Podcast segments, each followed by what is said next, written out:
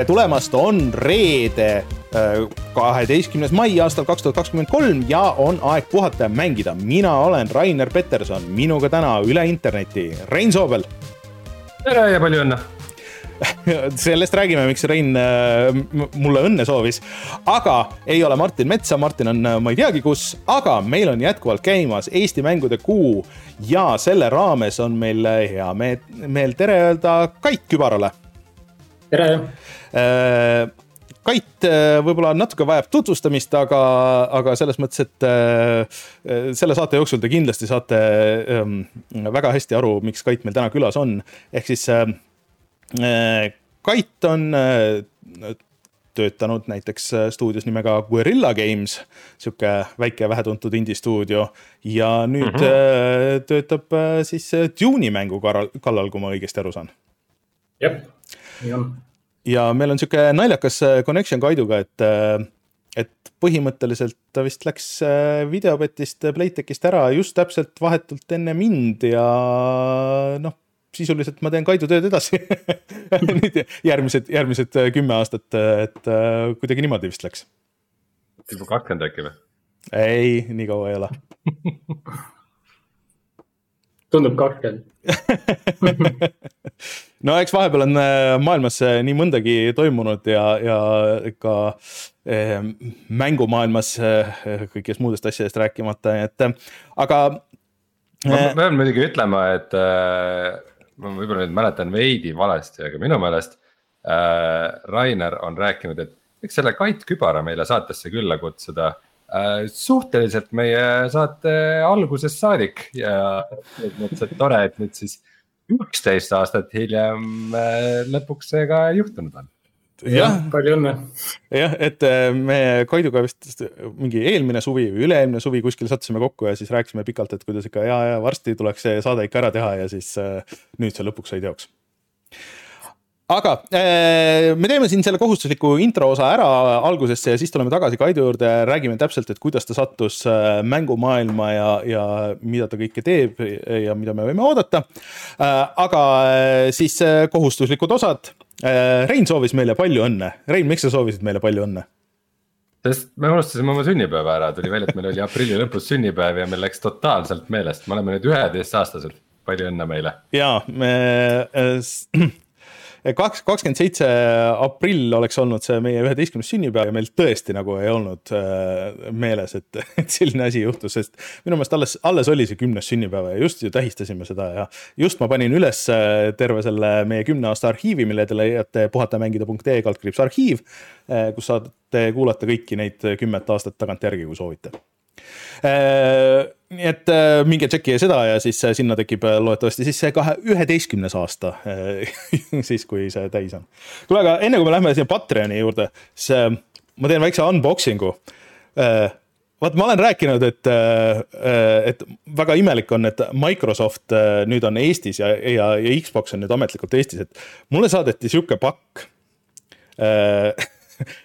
kohe veider on Microsofti merch'i saada Eestis ja ähm, Äh, nad ei maksa meile selle eest, aga kuna, kuna see saadeti, siis ma mõtlesin, ma selle ka saates avan, vaadake seda videoversiooni. ja see, see väike karbike reklaamib siis seda, et äh, Gamepass on Eestis saadaval, siin on ka kood äh, kuuks, kuuks ajaks. aga mis siin peamiselt nagu on, on klaviatuuri keycap'id Äh, võite vaadata meie äh, siis äh, videosaatest, kui tahate näha täpselt, et millised, millised need on, no see minu kaamera ei saa üldse hakkama. sinu kaamera efekt jah ja., väga ei näita. ühesõnaga, kui Rein, ma ei tea, kas sina tahad panna näiteks League of Legendsi mingi tüübi keycap'i enda klaviatuurile või, või siis, või Minecrafti oma, siis, siis no nüüd, nüüd meil on sihuke, sihuke võimalus. lapsed läheks hulluks nende peale, see tundub neile, tundub neile nagu parim asi ever. kõige olulisem muidugi on see Redfalli oma siin, sest et äh, tegemist hea mänguga. ja Starfield, äh, mis ühesõnaga äh, et ähm, üldiselt. jumal äge, ma pole varem kunagi näinud keycap, see on nagu thing või, selles mõttes sa sa klaviatuuril niikuinii mingeid nuppe ei kasuta sa paned neile mingi vahva asja peale, et iga kord, kui sa vaatad klaviatuuri poole, siis see teeb sulle rõõmu. ma pean ütlema, et see on päris äh, naljakas merch, et muidu ma ei oleks viitsinud seda siin avada, aga äh, minge siis, kes audioversiooni kuulavad, äh, minge vaadake sellest videost Youtube'ist. et kuna, kuna ma ei ole kunagi sihukest asja nagu näinud merch'ina, siis, siis ma pidin seda tegema ja lisaks oota midagi, aa, et noh, see on kõik väga tore, on ju, aga mul on Apple'i klaviatuur, mida ma kasutan. siia ei saa ühtegi käppi panna mitte kuidagi, ühegi nipiga nii et selles mõttes kasuta, nii et Rein, me võime rääkida äkki sinu klaviatuuril need rahvad ja, ja siis saad lapsi rõõmustada sellega. ma oleks väga õnnelik eh, siis veel natuke kohustuslikke asju, et meil on Patreon, patreon.com, eh, kaldkriips puhata ja mangida Patreon. just äh, ja siis äh, seal te saate meid toetada. Äh, ja suured tänud otse loomulikult Taavile, Jutlustaja X-ile, Device nullile, Failisile, GameCANile, Kalevusele, ML Linuxile, Androidile, Quickile ja kõikidele teistele, kes te meid sealt toetate. kui te meid sealt toetate, saate tasuta mänge, saate tulla meiega Discordi chat ima ja saate näiteks särke veel. nii et kui poleks teid, ei saaks me üheteistkümnendat aastat juba seda saadet teha, kaheteistkümnes on käimas. Äh, nii et äh, tšekkige järgi, saate hea tunde südamesse, et aitate meil seda kõike käimas hoida äh, vot ja siis meil on Youtube'i kanal ja Youtube.com kaldkriips puhata ja mangida ja nagu ma juba mainisin, siis meil on video Redfallist või tähendab, ma lihtsalt mainisin Redfalli, aga meil on nüüd ka video Redfallist, kus äh, kutsusin siis äh, Steni ja Roberti, äh, no Roberti kohta ei saa öelda, et ta otseselt level ühest on, aga, aga ta on ka meie Patreoni toetaja ja, ja meie Discordis, ka siin chat'is Tonisiumi nimel ja siis me mängisime tunnikese seda Redfalli ja kuidas meil läks, saate minna sealt vaadata, aga ütleme niimoodi, et. ei veennud sind? See ei veennud mind, ma uninstallisin selle pärast selle video tegemist, nii et äh, äh,. aga kuidas see mäng, kui see, ma pean natuke hoiatama, et see, see audio selles videos, äh, just see, see äh, Steni ja Roberti salvestus ei ole just kõige parem, sest et värske isa, palju õnne, Sten Koolman, tal millegipärast mm. kajas see kõik ja ei olnud mahti väga nagu troubleshoot ida, et miks, miks see nii oli, ma andsin endast parima, et see sound vähe parem oleks äh,. aga äh,, aga see videopilt on täpselt sihuke nagu see sellest konsoolist välja tuli, et see ei ole, et see video, video ei olnud katki kuidagi, see mäng näebki täpselt sihuke välja ja jooksebki täpselt niimoodi, nii et, äh, et, et äh, see ei ole meie süü. Äh, minge tšekkige tund aega Redfalli ja siis saate aru, miks see mäng on hea või halb. ilmselt päris kohe kindlasti ja jah, uus mänguvideo loodetavasti järgmisel nädalal, muud ma ei oska öelda Äh, nii, aga siis äh, äh, Rein, ütle kiiresti ära veel teised pealkirjad ja siis tuleme tagasi ja räägime Kaiduga. kui me oleme Kaiduga ära rääkinud, siis meil on hämmastaval kombel päris mitu vahvat Eesti mängu uudist. nii mängutööstuse linnaosast Pärnus kui ka paarist uuest mängust, mis kunagi tulevad Äh, on oodata uut Mortal Combatit, äh, Fortnite'ist saab olümpiasport ja Unityl ei lähe liiga hästi. Ähm, Rainer räägib Zeldast, mina veidike veel Dwarf Fortressist ja ongi kõik. ahah, no aga ma vajutan siis nuppu ja tuleme tagasi, räägime Kaiduga mm, mängude tegemisest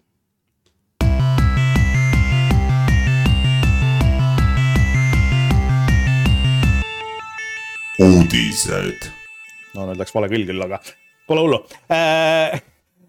Kait äh,, sa noh, nagu Rein juba vihjas, et, et me oleme põhimõtteliselt peaaegu kaksteist aastat, kümmekond aastat tahtnud sind saatesse äh, saada ja seda puhtalt äh, sellel põhjusel, et äh, sa oled umbes sama kaua teinud ka mängudesse asju, mis on nagu suhteliselt haruldane, eriti kui sa vaatad nagu nii kaua aega tagasi äh, Eesti äh, mängutööstuse tausta ja nii edasi, et eh, kuidas see juhtus, et, eh, et sa nagu üldse sattusid kogu sellesse mänguteemasse või, või üldse või, või peaks alustama sellest, et eh, mida sa teed mängudes? Concept art on see põhiline asi ja end jah, üldiselt ongi jäänud selle kontsepti peale. vahepeal küll sai midagi muud tehtud, aga üldiselt jah, on see. mis asi on concept art? Raske on eesti keelde seda endiselt, arust ei ole sellist head nagu vastet eesti keeles, mingi kavandite tootmine või sihuke, väga head seda ei ole äh,. või, või äkki teate paremini, ma olen siiamaani hädas sellega. kusjuures äh, see Öeldakse küll kontseptsioonikunstnik, aga eks ta sihuke veidi väärtõlge on. jah, väga veider aga no ühesõnaga, et sina teed neid pilte, mis on äh, abiks siis 3D äh, kunstnikele, äh, kirjutajatele, mängudisaineritele, mis aitavad seda maailma vist siis nagu paremini defineerida, midagi sihukest või? midagi realiseerida jah, kuigi praegu on niimoodi, et vaikselt on see liikunud, et, et ma ise kasutan järjest-järjest rohkem 3D-d mm, -hmm. et, et ma nüüd ei, ei oskagi öelda, kas ma olen 2D või 3D kunstnik siis need asjad on nii kokku sulanud juba. no see vist jah, kunagi vanasti oli nagu rohkem äh, teema, et kas sa tegid kas ainult 2D-d või ainult 3D-d mm, -hmm. et äh, tänapäeval need äh, tööriistad on läinud niivõrd palju lihtsamaks ja, ja, ja need ka nõudmised vist on nagu natuke suuremaks kasvanud, et, et, et natuke nagu on nii, et sa pead oskama kõike seda vist võrreldes kümne aasta tagusega. või siis on see ka, et, et oleneb, kui suur huvi on, noh, see on alati see näide tuuakse, et, et äh, tegelikult ei pea, on palju tegelasi, kes äh, noh, väga tuntud tegelasi, kes, kes konkreetselt teevadki ainult 2D-d, isegi mm -hmm. võib-olla ainult pliiatsiga. et, et aga see on pigem nagu äh,, seda ei juhtu tihti mm, -hmm. nii. aga, aga kuidas, kuidas sa üldse siis sattusid kogu sellesse maailma, kust, kust see kõik läks mm,? Võib-olla, võib-olla hoopis niimoodi läheneda, et, et ma proovisin teisi asju teha ja need lihtsalt ei meeldinud ja see on alati, alati jäi see peale, et, et võib-olla, et samamoodi selle videoobjektiga ka, et, et no ei, ei, kogu aeg kibeles midagi, midagi teist nagu, et mm -hmm. proovisid küll, aga siis tunned, et, et nagu ei sobi. ja siis, aga siis tookord väga ei olnud võimalust ka ja siis lihtsalt teed, paned silmad kinni umbes ja siis nagu loodad, et, et äkki sealt midagi tuleb ja noh lõpuks hakkaski midagi, kuhugi poole hakkas nagu liikuma see asi. Äh, aga kuidas, kuidas see kuhugi poole hakkas äh, liikuma, et sa kuskilt lihtsalt otsisid ja, ja lihtsalt kandideerisid äh, nii-öelda pimesi või, või juhtus midagi, midagi erilist? see pimesi oli võib-olla selles mõttes, et ma täpselt ei teadnud, et mis äh, mis nagu päris, mis mul viga on, et, et tahaks nagu midagi teha, aga päris hästi ei sobi kuhugi. Ja siis ongi see, et, et okei okay,, et usaldad midagi e-, endas, endas sees ja siis äh, ja siis lihtsalt hakati tootma asju, mis mulle endale meeldisid mm. -hmm. ja sealt siis hakkas nagu vaikselt hakkas midagi sealt nagu, midagi arenema ja noh.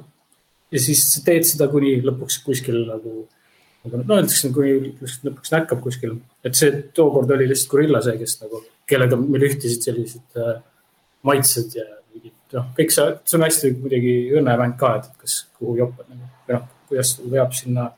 Neil oli too hetk vaja just, see võib, teinekord võib minna mingi aastaid, et kui juhtub sisse.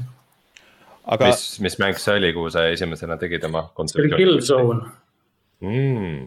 et seal oli palju selliseid äh,, ma olen siit Eestist, vist idablokist pärit, siis nad, nendel see, see disain oli ka sarnane.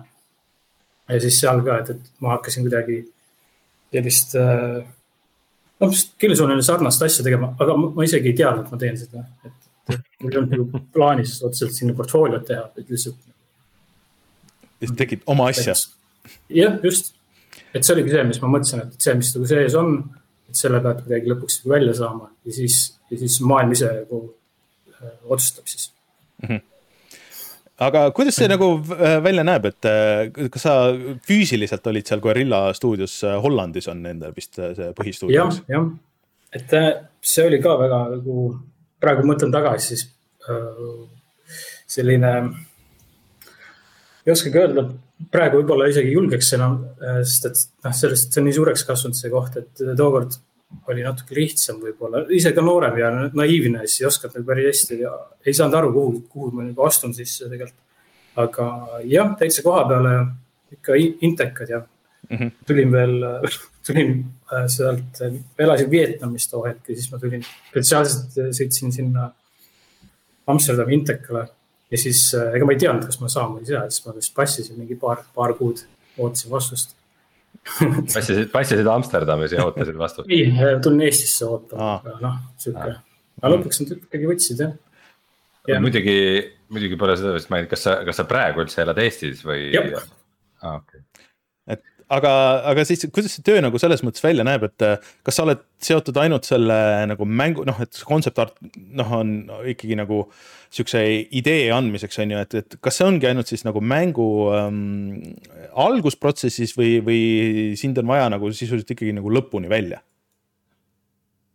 jah, lõpuni välja, ma nüüd ei tea, freelancer itel on natuke teine olukord, et palgatakse rohkem siis, kui konkreetselt midagi vaja on, aga, aga jah, kui kohapeal oled, siis äh, põhimõtteliselt pead kõike tegema, et selles mõttes äh, võib-olla see Gorilla oligi, oligi kõige parem kogemus siiamaani, sest et, et seal ma sain mõlemat projekti, sain seda Killzone'i lõppu, post-production'it ja siis Horizon'i pre-production'it põhimõtteliselt, mis on täiesti erinevad asjad mm. -hmm. Post on sihuke rohkem äh, veits nad muidugi ühtivad, aga mingit sellist, äh, noh, kõike sai proovida, selles mõttes oli huvitav nagu kogemus mm. -hmm. aga, et läheb vaja jah, et parem on, kui ikka oskad seal, muidugi see oli, see oli hea, et, et äh, noh, see tiim ja kogu see seltskond seal, noh, täiesti ma, maailma parimad tegelased on seal kohe selgelt mm. -hmm. ja noh, nad aitasid kohe, kui noh, said aru, et, et see tüüp on äh, alles, alles noor toores, et, et jällegi noh, ise pead ka küsima, näitama üles seda entusiasmi mm. -hmm. aga noh. kas see tähendab, et sa siis töötasid ka siis selle Horizon'i nii-öelda nagu maailma loomise või nagu selle kontseptsiooni väljatöötamise juures päris no,? tookord oli see veel nii toores, et, et me lihtsalt suvaliselt paugutasime seal, et, et vaatad, mis nagu, mis nagu tuleb, seal oli veel mitu teist äh, nii-öelda siis outsource firmad ka, kes kõik, kõik lihtsalt tootsid äh, ideid sinna, et, et vaadata, kuidas see hakkab see värk nagu tööle. et nad teadsid, et neil on vaja äh, dinosauruseid teha, aga see vist oligi rohkem nagu äh, robotdinosauruseid siis, aga seal oli kusjuures samal ajal nad läksid paralleelselt kergelt ühe teise projektiga ka, mis, mis nad mõtlesid, kumba nüüd teha, kas dinosauruseid või mingid vesternid tahtsid teha ka, see oli ka üks pitch. aga see noh, dinosaurused võtsid, võitsid ja vedas vist aga kuidas see siukse triple A production'i juures see pre-production välja näeb, et kas ongi niimoodi, et, et lihtsalt hästi paljud inimesed toodavad hästi palju ideid ja siis äh, mingi disaindirektor lihtsalt käib ja lükkab oma template'i asjadele või? põhimõtteliselt ja kusjuures see tegelikult see on päris selline nagu, meil oligi see põhi, põhivend oli see Jan Part, kes, ta on siiamaani on see äh, stuudiodirektor seal vist, kui ma ei eksi, siis äh, ja see oligi, öeldi mulle, et toetate, et ära, noh, vaata rahulikult, et, et ta on sihuke nagu, et ära, ära kohku, aga ta oligi sihuke konkreetselt vaatas on shit, good, shit, good. niimoodi lihtsalt nagu läks läbi, aga mulle see nagu väga sobis see, sest me teadsime kohe, et okei okay,, rohkem sellega ei saa enam töötada, läheb aknast välja, see teine läheb edasi mm. -hmm. ja siis noh Wise ei saanud küll mingit, mingit šokki sellest, aga seal on vaja, seal teatud mingil levelil on vaja mingit tüüpi, kes otsustab ära see on võib-olla, mm. siin tulebki äh, abiks ka see, et, et sa oled sihuke rahulik idabloki äh, mees, kes on harjunud siukse, et okei okay,, et öeldakse, isegi meeldib, et öeldakse niimoodi konkreetselt ära, et ei ole mingit vaikset kirjutada, noh äkki me peaks nagu vaatama siit, lihtsalt öeldakse konkreetselt ja nii on. ja mingid itaallased oleks seal kohe lärmi tõstnud ilmselt, võitlema hakanud seal see kõlab äh, iseenesest jah, nagu huvitav, huvitav protsess, aga kaua nagu siukse noh, kaua näiteks see Horizon'i nagu sihuke pre-production protsess kestab või noh, et ikkagi.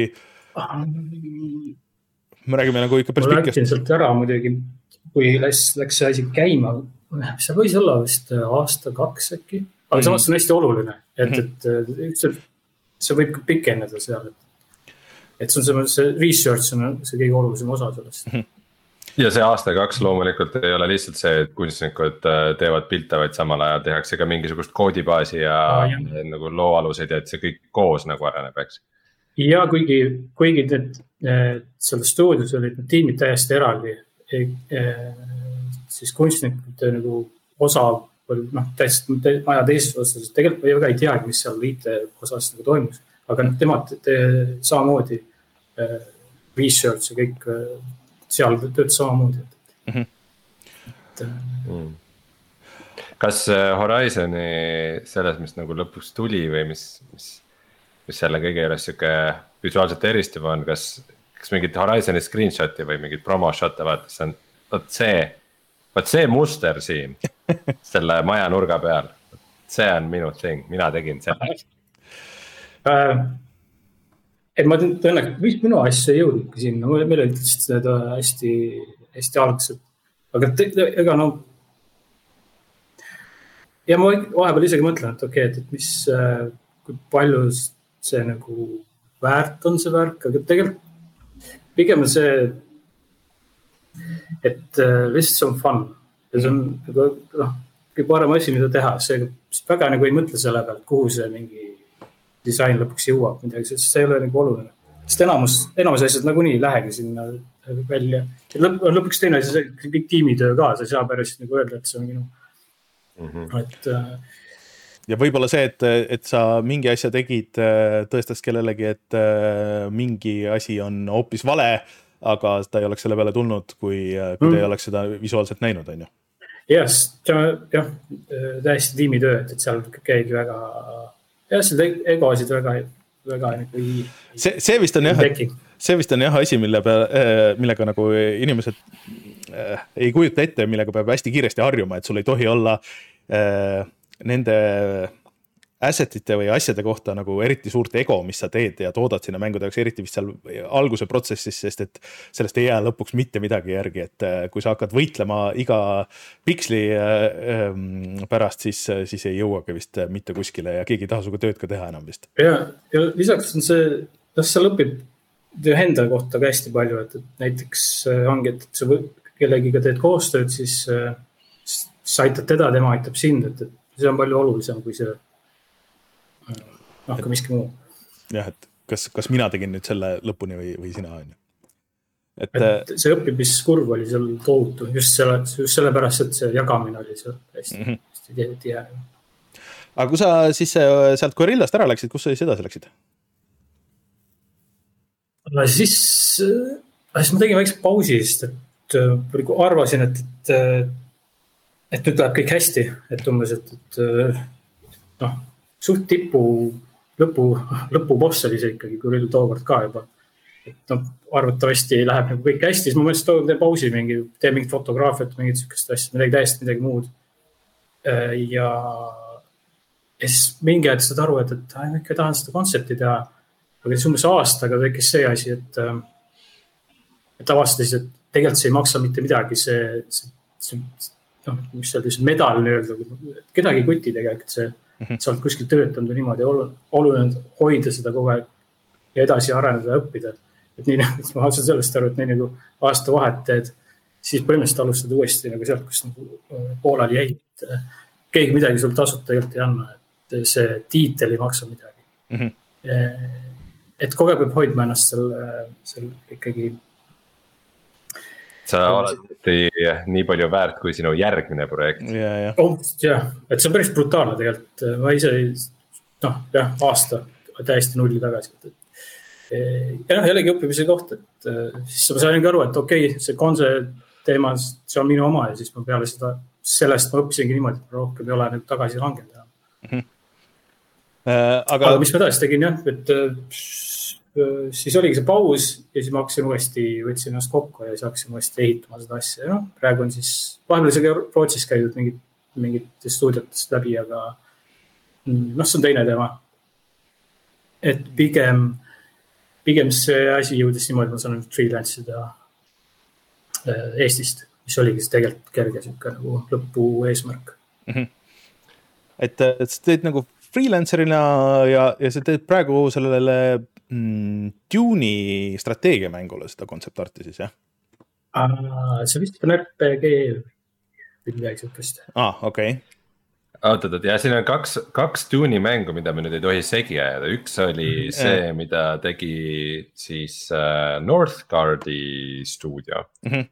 Äh, mis on siis strateegiamängu, aga teine on mm -hmm. siis äh, põhimõtteliselt see MMORPG ja sina siis teed, teed mm -hmm. praegu ja oled teinud tööd just selle MMO RPG jaoks, mille nimi on siis Dune Awakening.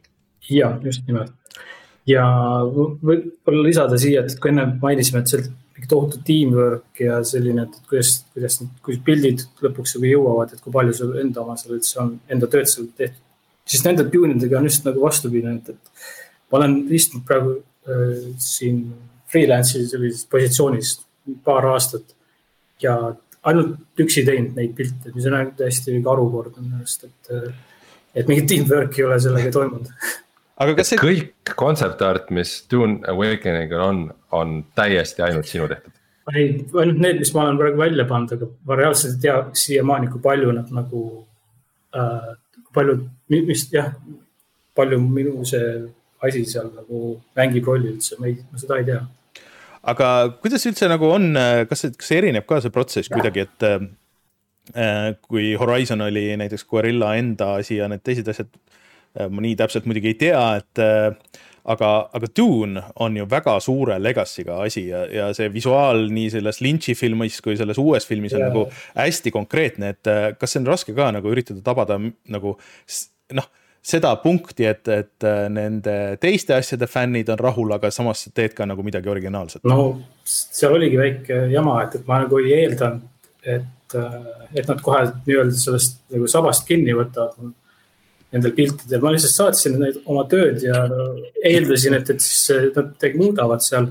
aga lihtsalt läksid kõik käiku vist, vähemalt promo, promopiltidena ja ma saan aru, et pre-production'is ka nad kasutasid, et, et, et seda siis, seda ideed müüa, et, et. ja, aga muidugi, kui ma need pildid üles panin, siis, siis neid kommentaare lugeda, lugeda oli päris nagu sihuke südantlõhestav, et, et ma saan aru, et, et okei okay,, et, et mingid lasereid seal ei tohiks üldse olla ja et, et siis, siis ma sain ka aru, et oh, et kõik, mis ma teen, võib olla päris suure kaaluga tegelikult, et ja ma ei mõelnud läbi, et, et seal, et noh, ei, ma ei ole sihuke fänn ka, et, et mm -hmm. kõike tehakse, noh, lihtsalt teed seda, mis on cool, lihtsalt ja siis vaatad, mis, mis, mis otsustatakse, aga noh. et just see saigi, et see vist läks nagu vastuollu mingite põhitõdede, tõde, tõdede, tõde, tõdedega mm. -hmm. ja, aga noh, ma ei tea, äkki mäng ja film, seal olid relvad olemas, et laserrelvad. äkki. Äh, seal oli vist see, et äh, laserid olid seal universumis olemas, aga äh, mingid need kaitsed olid või midagi, mis mhm. -huh. mis põhjustasid et neid ei tohtinud kasutada, et neil oli nagu liiga destruktiivne võime või midagi siukest. kui, kui, kui fun see on mängus, siis et. jah, aga no see on muidugi huvitav, et äh, siis mängu stuudio poolt mingit erilist filtrit vahel ei olnud, selle mänguga tegeleb siis Funcom. kes, äh, kes on MMO maailmas tegelikult isegi ma ütleks üsna tuntud. Äh, nad on teinud siis kunagi tegid Konani MMO-d, millest siis hiljem sai nüüd see noh, mitte nüüd otseselt sellest, aga, aga siis Conan Unchained, selline see survival mitmikmäng. Ja lisaks siis nad tegid ka Secret World'i. mis ikka ka nagu MMO maailmast käis, käis äh, arvestatavalt läbi. jah, nad on päris vana firma, et äh, ehk neil seda. Norra, jah. peaks olema neil kogemust küll. aga. aga no nende iial ei tea, et äh, isegi suurfirmad fail ivad ja noh, see on nii sihuke riski business, et, et äh, raske on ennustada, kas on, kas sellest äh, tuleb hitt või, või ei tule midagi, keegi ei tea seda, raske ette planeerida aga sa mainisid seda, et neid sinu pilte kasutati ka marketingiks, et, et see on mm -hmm. nüüd nagu huvitav teema, mis mm,. ma saan aru, et et, et inimesed saavad sellest eri moodi aru, aga põhimõtteliselt kas kontseptsioonikunst on nagu sama, mis see, et kui sa teed marketingi jaoks nagu ilusa pildi või, või vahel on lihtsalt mängustuudiod see, et. nii et me tellisime nagu concept art'i umbes oma level disaini jaoks, aga nagu ilgelt hästi kukkus välja, et ma ei tea, et paneme nagu, paneme nagu siis igale poole sotsmeediasse ka, et inimestele meeldivad ilusad pildid või. või kuidas, kuidas sa sellele üldse nagu lähened? Äh, see oligi eh, see, mis just ütlesid, see nii, niimoodi see läks, sest et eh, kui ma olin nüüd freelancer'i rollis, siis ma nagu võtsin seda hästi tõsiselt, et ma üritasin, kui ma sain seda task'i, siis ma pingutasin üle, et, et võimalikult noh, see, see põhiasi ära teha ja siis ma lihtsalt lihvisin sinna peale, et, et oleks nagu hästi nagu ilus vaadata ka. et võib-olla stuudios seda ei oleks teinud näiteks, et, et seal, seal ei ole see nii oluline, aga, aga jah, kui freelance'is sa nagu loodad, et, et äkki kunagi sellest saab midagi ja siis ma tean, noh, siis ma saan seda kuhugi näidata nagu hiljem ka. et selle mõttega, noh, ma mõtlesin nagu natukene nagu tuleviku peale ka igaks juhuks. ja nii ta läkski, et ma ei tea, kui vajalik see tegelikult oli, aga ma ei teadnud tookord, et seda, et sinna promosse panevad, ma lihtsalt tahtsin hästi head tööd teha too hetk. aga, kas mingid lepingud seda kuidagi nagu piiravad ka või, et peaks mingit lisatasu küsima, kui see on nagu marketingi pilt või? no mm, võib-olla peaks, aga praegu see kogu värk on nii sketši, et, et ma, ma lihtsalt olen õnnelik, et saab üldse midagi teha aga äh, vot sa mainisid, et, et sa oled äh, noh, nüüd oled freelancer ja, ja siis, et kõik on nagu natuke sketši kogu aeg, et äh, aga kas see on sul nagu siis ainuke projekt, millega, kas sa töötad ühe projektiga korraga või sul on äh, mitu rauda tules või, või kuidas mm., kuidas sul sellega on? no tegelikult on see, et nad eeldavad, et sul on üks, et sa lihtsalt oled nendega mm. -hmm. aga ma, ma olen üpris kindel, et, et ükski freelancer ei, ei riski ainult ühega nagu noh, üks oleks hea, et, et siis sa saadki kogu rõhu panna, aga see on väga riskantne, et, et kui nad mingi hetk otsust-, mingi aeg otsustavad, okei okay,, nüüd läbi, siis, siis, siis peaks olema mingid back-up'id mm. -hmm. ja seega tavaliselt ongi nagu mõistlik kahte hoida vähemalt mm et kui ma siin vaatan su äh, Behance'i lehekülge või, äh, või ähm, kodukad, siis äh, ma näen, et sa oled teinud ka näiteks äh, tutorial eid, äh, mida saab Gumroadist osta, et, et see vist on päris, päris sihuke levinud side hustle kunstnikele tänapäeval, et, et need väiksed siuksed asjad, mis hoiavad väikest sissetulekut. nii et kui kellelgi tekkis huvi, siis saate Kaidu nime otsides ilmselt, ilmselt leiate üles, et mm -hmm. näete, näete kogu protsessi ja jah, põhimõtteliselt küll, et, et äh, eks nad on päris vanad juba nüüd, mitu aastat vanad, aga noh, ma arvan, et see põhi, põhivärk ikka toimib seal, et basic asjad mm -hmm., võib-olla huvitav vaadata mm.. aga mm, no selles mõttes, et äh, praegu on ju see kogu see concept art'i teema veel hästi nagu kuidagi äh, teema ka ja sellest räägitakse hästi palju selles ai võtmes, et noh, et kas seda concept artist'i, et äh, kas seda kunstnikku on enam eraldi vaja, et sa paned lihtsalt prompt'i, äh, paned äh, sinna kuskile Discordi chat'i ja siis tulebki concept art kõik juba valmis, et kuidas et kuidas sina sellesse suhtud, kui, kui inimene, kes on concept artist mm. et kas, või oled sa proovinud, et kas, kui sa Midjourney'sse lükkad, et in the style of Kait Kübar, kas, kas siis tuleb midagi? Uh,? just proovisin, aga ta oli päris kaua aega tagasi, täitsa algul, aga siis vist ei saanud aru no,. vaevalt, vaevalt, hmm. aga mm., aga praegu ongi eh, võib-olla liiga vara öelda veel, see on sihuke, aga huvitaval kombel nad vist ikkagi panid praegu lukku selle teema, mulle tundub, et, et enam ei ole uksest aknast seda infot sisse tulnud, et no eks, eks näis. Nad panid selle Midjourney vist äh, lihtsalt tasuliseks, et sa tasuta enam ei saa niimoodi genereerida, aga, aga, aga. ma mõtlen üldse kogu seda, kogu seda sellist ai maailma mm -hmm. nagu plahvatust mm, -hmm. meil on paar päeva ma ei ole enam kuulnud mingeid uudiseid, et ilmselt kuigi täna just või eile tuli äh, Google'i see oh. ai teemal äh, see mingisugune presekas oli. see läheb ainult hullemaks.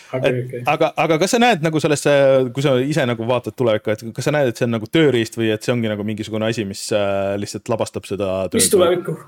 No nagu eh, na, nagu ütleme okay, okay. Eh, digitaalse, noh, vähemalt nii palju, kui seda tulevikku on, on ju, kas yeah,, kas need mõni aastat või, või natuke rohkem, see jääb. Eh, aga ja, see oli, tegelikult on ähm,, ma vaatasin ühte seda just paar päeva tagasi, see avatari art director'i mingit workshop'i, lihtsalt lamist juhtusin peale enam-vähem ja, ja nemad, nemad on siis, nad teevad nagu päris sette ja sihuke production disaineri nagu teema on neil. ja see oli hästi huvitav, sest tegelikult nüüd, kui ma nüüd teen nüüd kontsept, täna tegin jällegi kontsepti, siis ma lähenesin ka rohkem nagu production disainer, mitte kui concept artist mm. -hmm. ma tahtsin, et, et mingid torud oleks päris nagu, et jalutad mööda, siis nagu oleks selline nagu loogiline, kuidas torud seal, siis noh, oma vaatevinklist mis materjalid seal on ja kõik see.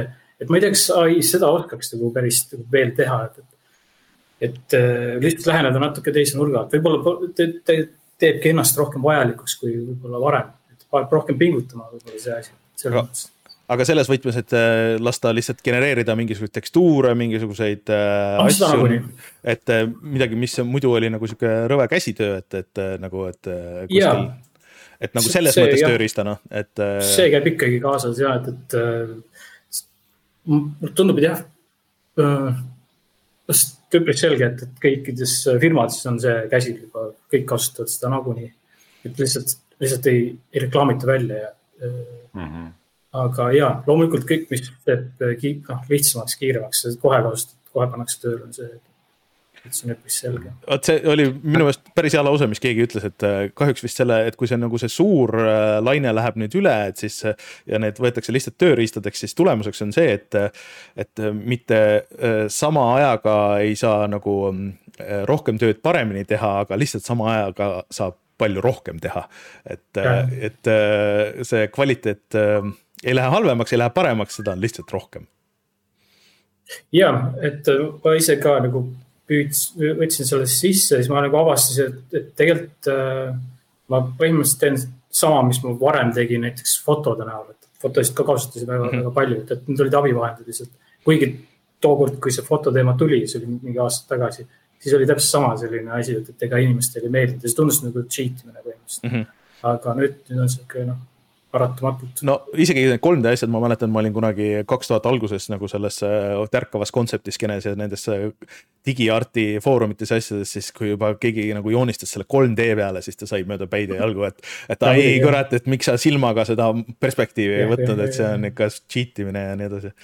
aga noh, samas eh, sa pead ikkagi oskama seda ka, seda mm -hmm. silm peab ikkagi olemas olema, et see päris nagu see otseselt short, shortcut ei ole, et hea, et, et endal on kõik need, et, et step'id nagu, need sammud läbitud, et ma saan jällegi järgmise hulluse võtta ette, et, et. noh, et see noh, arvestades, kui keeruliseks on mänguarendus läinud ja kui mahukaks, et nagu suurte mängude puhul ei ole enam ebatav-, ebatavaline, et mingisugune ühe mängu arendus kestab siin, ma ei tea kaheksa aastat või midagi sellist ja kui mäng lõpuks välja tuleb, siis ta on nagu mingites asjades täiesti vananenud, et. et noh, ühest küljest nagu on hea, et on uusi tööriistu, tänu millele seda roppu töömahtu saab lihtsalt nagu teha hallatavamaks. aga samas noh, kontseptsioonikunstist rääkides konkreetsemalt, siis see tundub võib-olla just veidi selline asi, kus oleks vaja sihukest nagu inimlikku touch'i või sihukest nagu. et alguses kuskil on, on kuskil see kellegi kellegi kunstniku silm või mingi nihuke oma tunnetus selles osas, et mis võiks olla äge või originaalne või mm, -hmm. või värske, e-, et, et siis. kui see masinavärk nagu kõik tööle hakkab, siis nagu, et lõpuks on seda mingit seda asja ikkagi näha, mis sa alguses mõtled. jah, ja mulle tundub ka, et, et see struktuur vist jääb firmades suht sarnaseks, et, et võib-olla, võib-olla ei ole mingi kolmkümmend tüüpi, võib-olla mingi viisteist tüüpi mm. -hmm. et ma mõtlen neid tegelasi, kes ma pidasin tegelikult kolmekümne tegelase all silmas, näiteks Gorilla võttis inter, intern'i sisse massiliselt, et teeks sellist, äh, sellist äh, natuke musta tööd. ja nad tahtsid selgelt, noh, see on, see kogu aeg käib niimoodi ja nad väga tahtsidki seda teha, et võib-olla see asi jääb nagu, kindlasti on seal, aga see läheb nagu väiksemaks. aga üldine struktuur minu arust jääb samaks ikkagi et, et kui sa vaatad mängu, siis keegi ju peab need toolid ja lauad ja, ja igas mängus on eri tool ja igas mängus on eri laud, mis sobib sinna, et keegi peab need kuskil seal valmis treima ja siis see ongi tavaliselt sihuke äh, mm. internide ja, ja juniorite töö on ju, et, et, et noh. aga lihtsalt see üks junior või intern saab siis ühe tooli asemel teha neli. jah, äh, samas äh, kui hakka mõtlema, siis see on, need internid, internid on äh, underrated tegelikult, et see, kui nad sinna kokku tulid, eh, siis neil kõigil olid uued, uued täiesti uued ideed ja neil olid uued eh, need tööriistad samamoodi, et, et. Eh, et kogu aeg katsetasid, näiteks see, kes on mingi vanem, vanem mingisugune stuudio mingi pea, et, et tal ei ole jaksu enam mm -hmm. möllata. et see on niisugune hea sümbioos tegelikult, et loodan, et mm -hmm. ikkagi neid võetakse sinna kamba, noh suurt, suurte massidena, et, et niisugune korralik supp on seal ja sealt tuleb täiesti huvitavaid ideid nojah, vot, vot see ongi see, seda, seda ma just mõtlengi, et kui see suurem vaimustus läheb üle alguses, kuidas oi, kuidas ai lööb kõik laiaks, kui see, see laine käib üle, siis äh, sellest saab mingisugune tavaline asi ja millest võetakse, millest tuleb palju head, tuleb palju halba. ja need mõned -hmm. aastad, mis meil veel järgi on, võib-olla näeme, et äh, võib-olla kuidagi midagi praktilist äkki aga, aga kui ma vaatan sulle, seda meil juba siin äh, selles meie Discordis äh, toodi välja, et kui ma vaatan su kodukat, siis äh, sa oled ka sinna meie palju vihatud NFT maailma nagu sukeldunud, et kuidas, kuidas sul seal jah, läks? olin natuke liiga laisk, et, et see tundus natuke raske sinna sisse saada. kusjuures nendesse galeriidesse algul oligi peaaegu võimatu saada sisse, ma sain tänu sellele, et, et ma avastasin, et mul oli Junk Postis mingi aastaid-aastaid oli üks kutse, siis ma sain sinna ühte galeriisse sisse. aga seal oli natuke raske sinna saada jah. ja noh, ma ei tea, lihtsalt sihuke jällegi see koht, et, et ma mingi hetk lihtsalt avastad, et okei okay,, et no, no äkki on seal midagi, peaks ikka proovima, et, et, et kõige uuega peaks ikkagi natukene nagu proovima järgi, et, et see on üks oluline asi. noh, mingi heit oli ka loomulikult seal et äh, õnneks, õnneks selgus, et see ei ole väga oluline asi, et, et see on vist ikka nagu suht teed tänaseks. Et.... ja, aga samas äh, näiteks äh, üks, selle lähenemine oli natuke vale, palju, noh, näiteks milline lähenemine oleks pidanud olema, on see, et, et, et vähemalt see pilt on nüüd seal olemas, seal, see on, see raha ei olnud üldse, üldsegi point, point oli see, et, et saad oma digitaalse portfoolio panna kuhugi netti, et see jääks sinna kuhugi olemas, sest ole, et see jääks sinna, sest et eh, mul on kõvakaid ikkagi läinud eh, paar korda õht, nagu noh mm -hmm., vahepeal lihtsalt ütlevad üles, et, et see on niisugune hea back-up tegelikult. et sa saad oma asjad üles panna mulle tundub, et see, see, see tehnoloogia, et see võib-olla paberil nagu, nagu töötaks, aga see tegelikult nagu ei ole selle jaoks. ma saan, saan aru, mis sa mõtled, aga, aga see vist -hmm. ikkagi ei ole päris see, mida see pakub, et äh, see NFT-ndus on see, et äh, krüptomehed saaks üksteisel äh, nahka üle kõrva tõmmata ja, ja ahvipiltidega yeah, yeah, miljoneid üle lasta, et. et see, see, et see on mingi päris kunst ja keegi nagu päriselt midagi ilusat joonistab, et see on ikka väga neljandajärguline, et yeah.. et Muidugi. õnneks või kahjuks läks, läks sellega niimoodi, aga võib-olla tuleb mingisugune teine, teine asi, mis on nagu päriselt äh, kunstniku võtmes, et äh, ka selle äh,. mingi aeg ikkagi oleks plaan oma tööd kuhugi sinna üles riputada küll, ma ütlen lihtsalt sinna äh, nagu koodi najale siis nagu mm. -hmm. ja siis vaatab. aga kas sa tahad natuke rääkida ka sellest, et, et sa nagu koolitad vist äh, üht, otsapidi Eestis ka inimesi või et äh, joonistama niimoodi või tegema mingisugust sihukest äh, kontseptarti moodi, et, et sa vist oled Tartus olnud õpetaja vä? jah, jah. siis kui VR oli hästi huvitav ja uus, siis ma natukene proovisin seda kunstikoolis. Noh, kuidas õpetada, võin lihtsalt näidata, et mis see, mis see pakub. Mm, oled VR-i huviline? ja see käib jällegi, need kõik tööriistad äh, on ikkagi töös, et VR, 3D, 2D äh,. lihtsalt puhas pastakaga joonistama, pliiatsiga joonistama samamoodi endiselt, endiselt ikkagi mingeid mõtteid on vaja kirja panna, siis ma pigem nagu sketšin ikkagi paberi peale. ja VR samamoodi. Eh, just see, et, et ma saan mängu sisse minna hästi kiirelt, et, et äh, lihtsalt vaadatagi, et, et kuidas mingi asi reaalselt välja võiks näha, et igasugune see scale, suurus, see on hästi oluline, mida lihtsalt flat äh, või sellele sellise arvutiekraani pealt on väga raske aru saada. et kõik nad näevad sellised nagu lapikud välja, kui VR-i paned, siis kohe arvad, okei okay,, see mägi ei sobi siia. kas sa teed? nii et sa, sa, sa kasutad VR-i, et äh, paremini tajuda äh, mängumaailma, mis isegi ei ole VR-i jaoks mõeldud, saan ma õigesti aru? või, või mitte isegi mängumaailma, vaid üldse nagu 3D maailma? mõlemat pidi, et, et oh. tava, see töötab ikkagi samamoodi. Äh,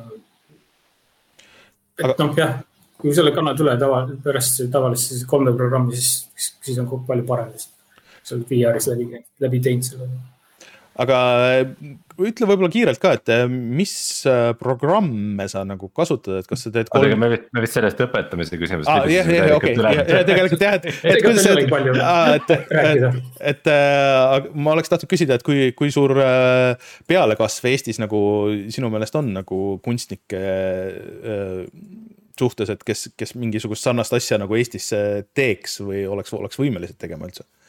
ma ei ole näinud, aga samas ma ei ole uurinud ka. kindlasti on, on midagi, minu arust Artspace'is on see variant, et kui sa paned äh, search by mm -hmm. Eesti, siis äh, tegelikult on päris palju inimesi. mulle tundub, et paljud on ka vene keelt rääkinud mm, -hmm. et, et nad on täiesti era, eraldi kommuun selles mõttes ikkagi mm. -hmm. aga ma ei tea jah, väga eestlasi ei tea. lisaks teine asi on see, et pigem nagu oled rohkem nagu enda ette ka, et ma nagu väga ei, ei ole otsinud mm. -hmm aga koolis, koolis äh, no ei olnud eriti tegelikult mm. -hmm. ütleme, et noh, võib-olla üks, kel, kes oli sihuke andekas, aga tal oli suur, noh, huvi oli kuhugi mujale mm. -hmm aga mm, et jah, et äh, mis, mis su tööriistad on nagu suures plaanis, et just nagu soft'i poole pealt, et, äh, et, et mis, mis programmi sa lähed, et seda, et seal nagu VR-is vaadata seda, seda kiiret kavandit või kuidas see on? tegelikult kusjuures ma nüüd tegin siukse kannapöörde, läksin, läksin nüüd Blenderi peale üle, sest et äh,, sest et see on selline, noh, ta ei ole nüüd kõige parem, aga ta on sihuke, sihuke programm, kus kõik asjad üheskoos, et see on nüüd hästi mugav, ma ei pea hüppama ühelt poolt, noh, ühest kohast teise. tegelikult töötab päris hästi, aga crash ib ka päris tihti aga, aga siiski äh, päris, päris nagu asjalik, et võttis aega, et, et ümber õppida mingi teise peale. kus sa enne olid? Um,. vanad programmid, üks renderdaja oli Keyshot ja siis oli üks soft image oli 3D mm. programm, mis on, mis on vana, aga. aga samas ta oli lihtsalt puhas 3D programm, et kus sa saad mm. mudeldada ja siis, siis kannad neid mudeleid ühest kohast teise ja. ja siis igasugused need sculpti programmid ka mm.. aga no., aga üldiselt jah, hoiad nagu, tahaks nagu ühte ja Blender praegu päris hästi nagu et Blender on, see on äh, minu igapäevane tööriist ka ja et, sellel lihtsalt see mm -hmm. kõige suurem boonus on see, et eriti kui sa alustad 3D-ga, et sellel on jõhker community, kuna see on tasuta.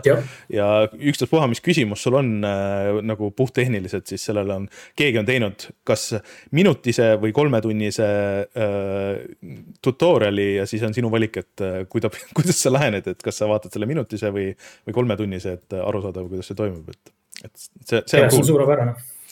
aga aga ülejäänud asjad sa joonistad Photoshopis või kuskil, kuskil mujal uh,? kus, kusjuures, kui me ennem rääkisime, et, et need äh, juuni pildid mm -hmm. olid sellised ilusad ja hästi lakutud, siis praegu, praegu ma olengi saatnud nüüd lihtsalt Blenderi faile juba oh. et, et, et, et see. aga samas see point on, ma lihtsalt, mulle tundub, et, et sellest piisab, et, et siis ma saan tagasisidet ja ja kusjuures üks asi veel, sorry, see, et ühed, ühed, üks teine projekt on, mida me teeme, siis me ei saadagi pilte enam, me saadame Blenderi faile üksteisele, mis on ka väga-väga huvitav. okei okay., päris cool et Blenderisse vist tuleb see, siin nüüd läheb väga, väga sügavuti, aga tuleb varsti see eraldi feature vist ka, et sa saad nagu pakkida siukseks ekseks nagu, et, et sa saad kellelegi saata nagu review faili, et, et sa saad tiirutada seal ja siis yeah. ta saab layer eid sisse-välja lülitada, et, et see tundub päris uus äh, siukse kiire äh, mudeldamise. olles, olles see inimene, kes ei kasuta Blenderit ja kellele saadetakse faile, ma hindaks seda väga muidu, saatsid mulle mingi mudeli, millega ma selle tööle saan, oh äkki see Windowsi 3D viewer. Rein, Blender on uh, umbes mingi viiskümmend mega suur või midagi siukest ja, ja, ja tasub. samas üks nali ka, et, et äh, et kui ma saadan Blenderi faili, siis äh, ma üritan, no nagu Photoshopiski üritad nagu layer'it nimetada nagu vana, noh juba mhm. harjunud sellega, et hoiad puhtana sellist seda struktuuri võimalikult nagu väikse, väiksena faile. siis tagasi tuleb mingi kahegigane mingi, mingi hunnik lihtsalt et siis teised, teisel tüübil on veel mingi viis korda kiirem ja võimsam arvuti ka, siis kuradi raiskamine. aga et, kui nüüd keegi kuulab, on ju, on, on ähm, mõelnud, et tahaks kuidagi süve, või siseneda sellesse maailma, et, et mis need äh, sinu juhised oleks, et, et, et kui keegi tahab alustada, kas, concept art'i või, või mingisuguse sihukese asjaga, et äh, mida silmas pidama peaks selline algaja mm,? Uh, vot ma ei, võib-olla jääks vastuse võlgu, sest praegu see ai asi on natuke nagu, teeb natuke segane aeg on praegu. ma reaalselt ei tea, kui palju seda, noh, mida see concept art üldse võib-olla järgmine aasta, mida see enam tähendab mm. -hmm. et äkki see on rohkem selline nagu, ma ise, ma ise nagu mõtlen, et ta on rohkem nagu production art rohkem juba, et, et, et need kavandid toodab see arvuti et, et seega. Et sa pead olema nagu art director rohkem. mida rohkem? jah. et, et kas vastus on see, et mida, mida rohkem sa tead, seda rohkem sul võimalusi on? jah et ma võib-olla äh, läheneks niimoodi, et, et kui keegi tahaks art director'iks hakata, et kuidas, kuidas sinna läheneda mm. hoopis nagu, võtaks selle sammu hoopis. ja see on päris sihuke hea, hea pähkel, sest et see eeldaks nagu kõik tea-, kõigi teadmist ennast mm. -hmm. et äh, jah, pole lihtne selle sammu jätsime vahele, et, äh, et noh, kui portfooliot vaadata, siis ilmselt kõik, kes vaatavad, nõustuvad, et äh, sa joonistad väga hästi aga kuidas ja. sa hakkasid joonistama väga hästi? et äh, kas, kas sa käisid koolis või, või olid lihtsalt andekas või lihtsalt äh, väga kaua harjutasid tookord vaata ei olnud arvutit väga ei olnud, siis pidi pliiatsit kasutama nii et sa lihtsalt joonistasid väga palju? ma lihtsalt joonistasin jah, et äh, jah, igasugust, ma ei tea, sihuke huvi selle vastu, lihtsalt äh, loed noh, raamatud aitasid ka palju kaasa seda lihtsalt ah,. üks asi, et, et kui mida teha, on ju, et hüppan tagasi eelmisse küsimusse, mida teha, siis ma soovitaks kuidagi arendada seda kreatiivset mõtlemist. minu arust raamat on hästi hea viis, kuidas seda teha. Äh, just lugeda raamatut, ma tean, et suht väga ei viitsi, tänapäeval eriti. Aga see on hästi, hästi selline, mis reaalselt paneb su ajud tööle mm. ja see arendab hästi. et sealt tuli, tuligi, et, et äh, okei okay,, aju hakkas tööle noh, siis on vaja pliiatsiga midagi sodida ja siis need asjad kokku viies hakkavad mingid, mingid, pildid tekkima. vot nii ta läks. ja jah.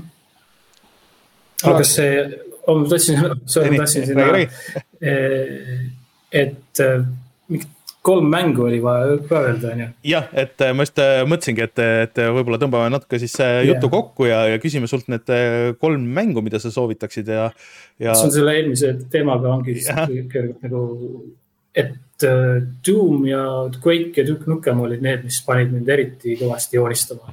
see on väga inspireeriv oli see too aeg. kas sul need juures... joonistused ka alles on? see oleks päris naljakas võib-olla vaadata jah, täitsa, jaa, aga ma vist ei näita neid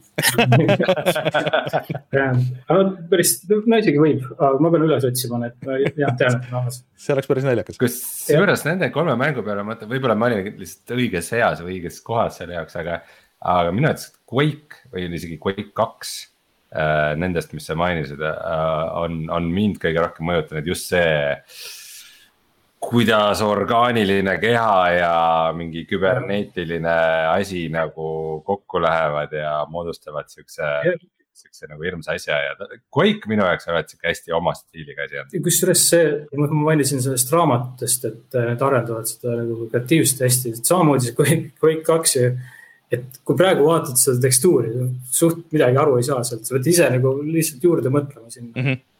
et palju seal oli, mingi paar polügooni oli vist, mingi udukogu, aga sa tegelikult nägid, et, äh, seal on mingi värk.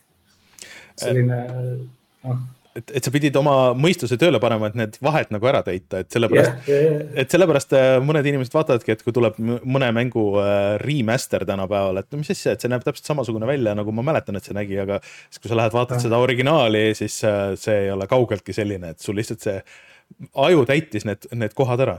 jah, Quake'iga veel see ilmselt, et, äh, et alati oli see, et kunagi sul ei olnud arvutit, mis seda oleks päris nagu korralikult välja mänginud ja siis see, sa arvasid, mis see mäng tegelikult on.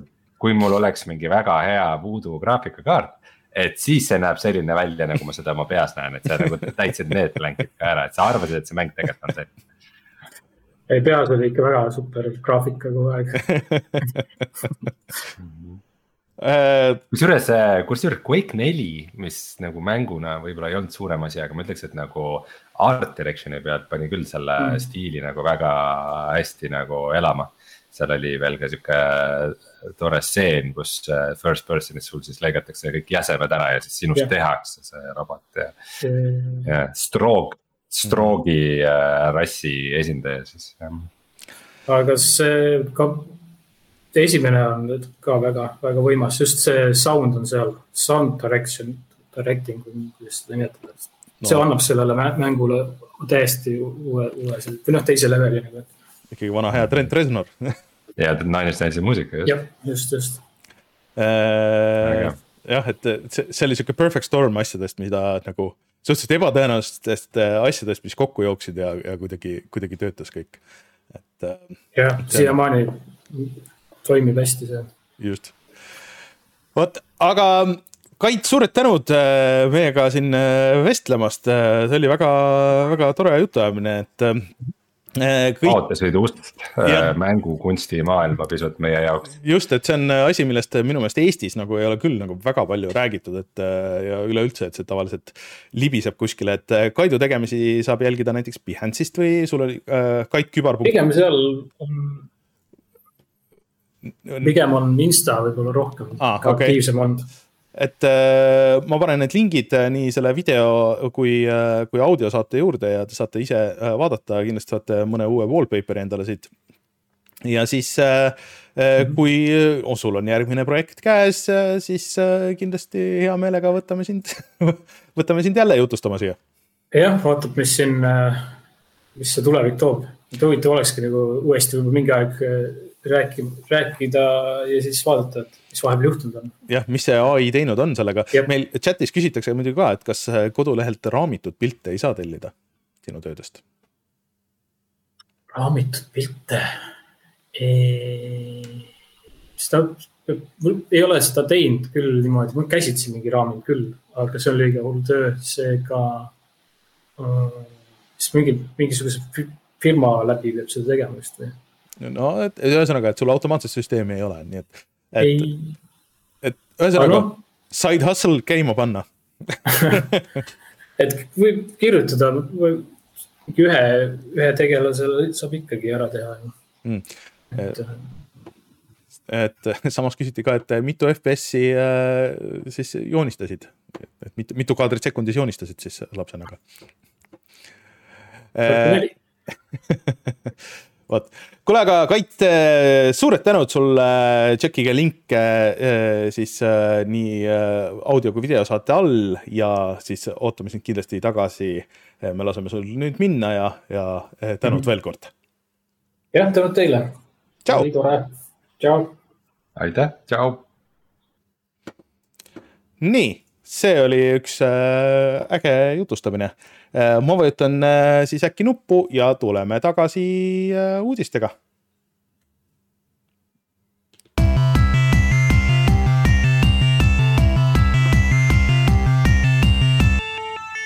uudised. ma alustaks sellest, mis muidu oleks hea saate lõppu jätta, aga ma lihtsalt kindlasti unustan ära, nii et nii. ma ütlen selle kohe siia ära. et ma kuulutaks välja meie järgmise saate külalise Äh, selle toreda intervjuu peale. et äh, järgmisel neljapäeval äh, tuleb siis meie esimene inglisekeelne intervjuu meie üheteistaastases ajaloos. Nimelt tuleb meile rääkima Jordan Morris oma ühe mängu, ühe arendaja mängust Haiku the Robot see on väga tuus, see viim-, kuidagi kusjuures üks kuu aega tagasi läks jälle Twitteris ja igal pool käima, noh, kus äh, inimesed kuidagi nagu avastasid seda, et see oli vist mingis paaris allahindluses ja paaris nagu pakis ja siis see jõudis inimesteni, kelleni see alguses ei jõudnud ja kõik nagu olid sihuke vau wow,, et kuidas sihuke asi äh, kahe silma vahele jäi, nii et see oli sihuke väike teine tulemine oli just. mis on väga cool. aga äh, Rein, mis siis äh, teised uudised, meil on siin Eesti uudiseid veel siis, lähme kohe nendega edasi siis. Meil on tõesti ootamatult äh, väga, väga vahvaid Eesti uudiseid, äh, alustame siis äh, kohe kõige suuremaga. nimelt äh, Pärnusse plaanitakse mitte mingit mängustuudiot või mingit maja, kus äh,, kus saab mängu arendada, vaid äh, mänguarenduse linnaosa no linnak, ütleme niimoodi, oleks see, see eestikeelne sõna võib-olla hästi.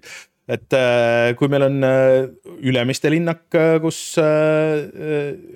on siis palju igasuguseid startup'e ja siis meil on mingid need tehnolinnakad siin seal TTÜ juures ja nii edasi, siis GameCAN, meie Patreoni toetaja ja, ja Pärnu mängustuudio vist äh, on nagu otsapidi alustanud selle, selle mängulinnaku tegemisega siis Pärnusse.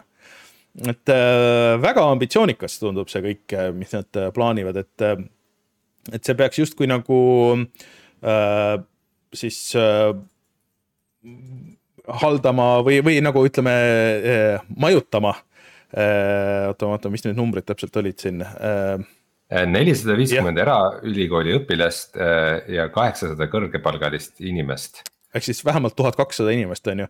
et äh, GameCAN juba on alustanud tegelikult seda kooli asja, ma ei tea, kas nüüd sügisest vist on see esimene, see Unreal'i kool äh,. minu meelest esimesed juba lõpetasid. või esimesed lõpetasid juba jah, et, et ühesõnaga, et äh,, et see oli täitsa, see oli vist tasuline kursus ja, ja siis äh, äh, selle käigus sa said justkui nagu siis Unreali arendaja paberid mingisugusele levelile, et, et Eestis ka nagu suhteliselt äh, ainukordne asi. Äh, väga tuus, aga, aga muidu see kõik kõlab väga hästi. Äh, nii. aga mis siis Rainerile öelda on? see on Pärnu lihtsalt, et, et noh, et võib-olla kui sa noh, kuskilt väljamaalt tuled, et, et siis ei ole nagu eriti väga suurt vahet, aga. aga Eestis vaata ei ole nagu noh, mujal maailmas on see suhteliselt nagu levinud, et sa mingi poolteist tundi või kaks tundi sõidad tööle, aga ma nagu Eestis ei kujuta ette, et inimesed hakkaks Tallinnast või Tartust, Tartust on eriti keeruline Pärnusse minna äh, käima, sest et noh oleks siis see hea kiire rong, on ju, mis läheb mingi tunni ajaga sinna, kus sa saad juba vaikselt nagu tööd teha või sisse elada või mis iganes, aga lihtsalt kuna see transport on nii keeruline, siis sa pead kolima Pärnu ja, ja no suvel on ju tore, aga mis talvel teed Pärnus, see on. aga kas see Rail, Baltic ei peaks läbi sõitma Pärnust? jaa, Rail Baltic siis, kui see kümne aasta pärast tuleb, et enne, enne saab äh, siin Kaidu jutu lõpuks, et enne saab maailm saab otsa, kui, kui see, kui see Rail Baltic valmis saab, nii et, et et äh, aga.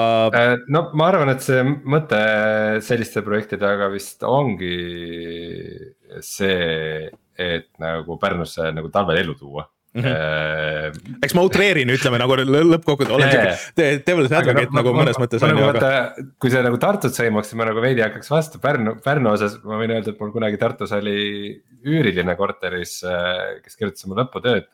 ütles, et ainus põhjus, miks ta Tartus korterit üürib, on see, et ta ei taha talvel olla Pärnus. Et see on nagu väga kõle kõht, aga see oli tükk aega tagasi. Ja Tartu kohta ma võin öelda seda, et äh, ei olnud üldse kaua aega tagasi, kui oli see, et Äh, mitte keegi ei tahtnud Tartus olla suvel, et tõesti nagu mm. Tartu oli suvel lihtsalt mingi kummituse linn, mhm. kõik mm. läksid suveks Tartust ära. aga nüüd käib Tartus viimastel aastatel nagu erakordselt palju elu ja nagu mölli, et võib-olla Pärnu nagu üritab praegu sama teha, asja teha nagu talvega, et, et seal võiks talvel ka üht-teist teha ja ja kindlasti Pärnu linna jaoks selline asi oleks nagu väga tore. ei kindlasti, nagu ei no üleüldse. tehnoloogiasektori inimesi ja kui kuhugi teha Eesti nagu mängutööstus, siis miks mitte Pärnusse. ei tõsi, noh arvestades, et GameCAN on seal juba olemas, nad on seal juba koolitanud, neil on seal juba stuudio, neil on seal mingisugune infra nagu olemas.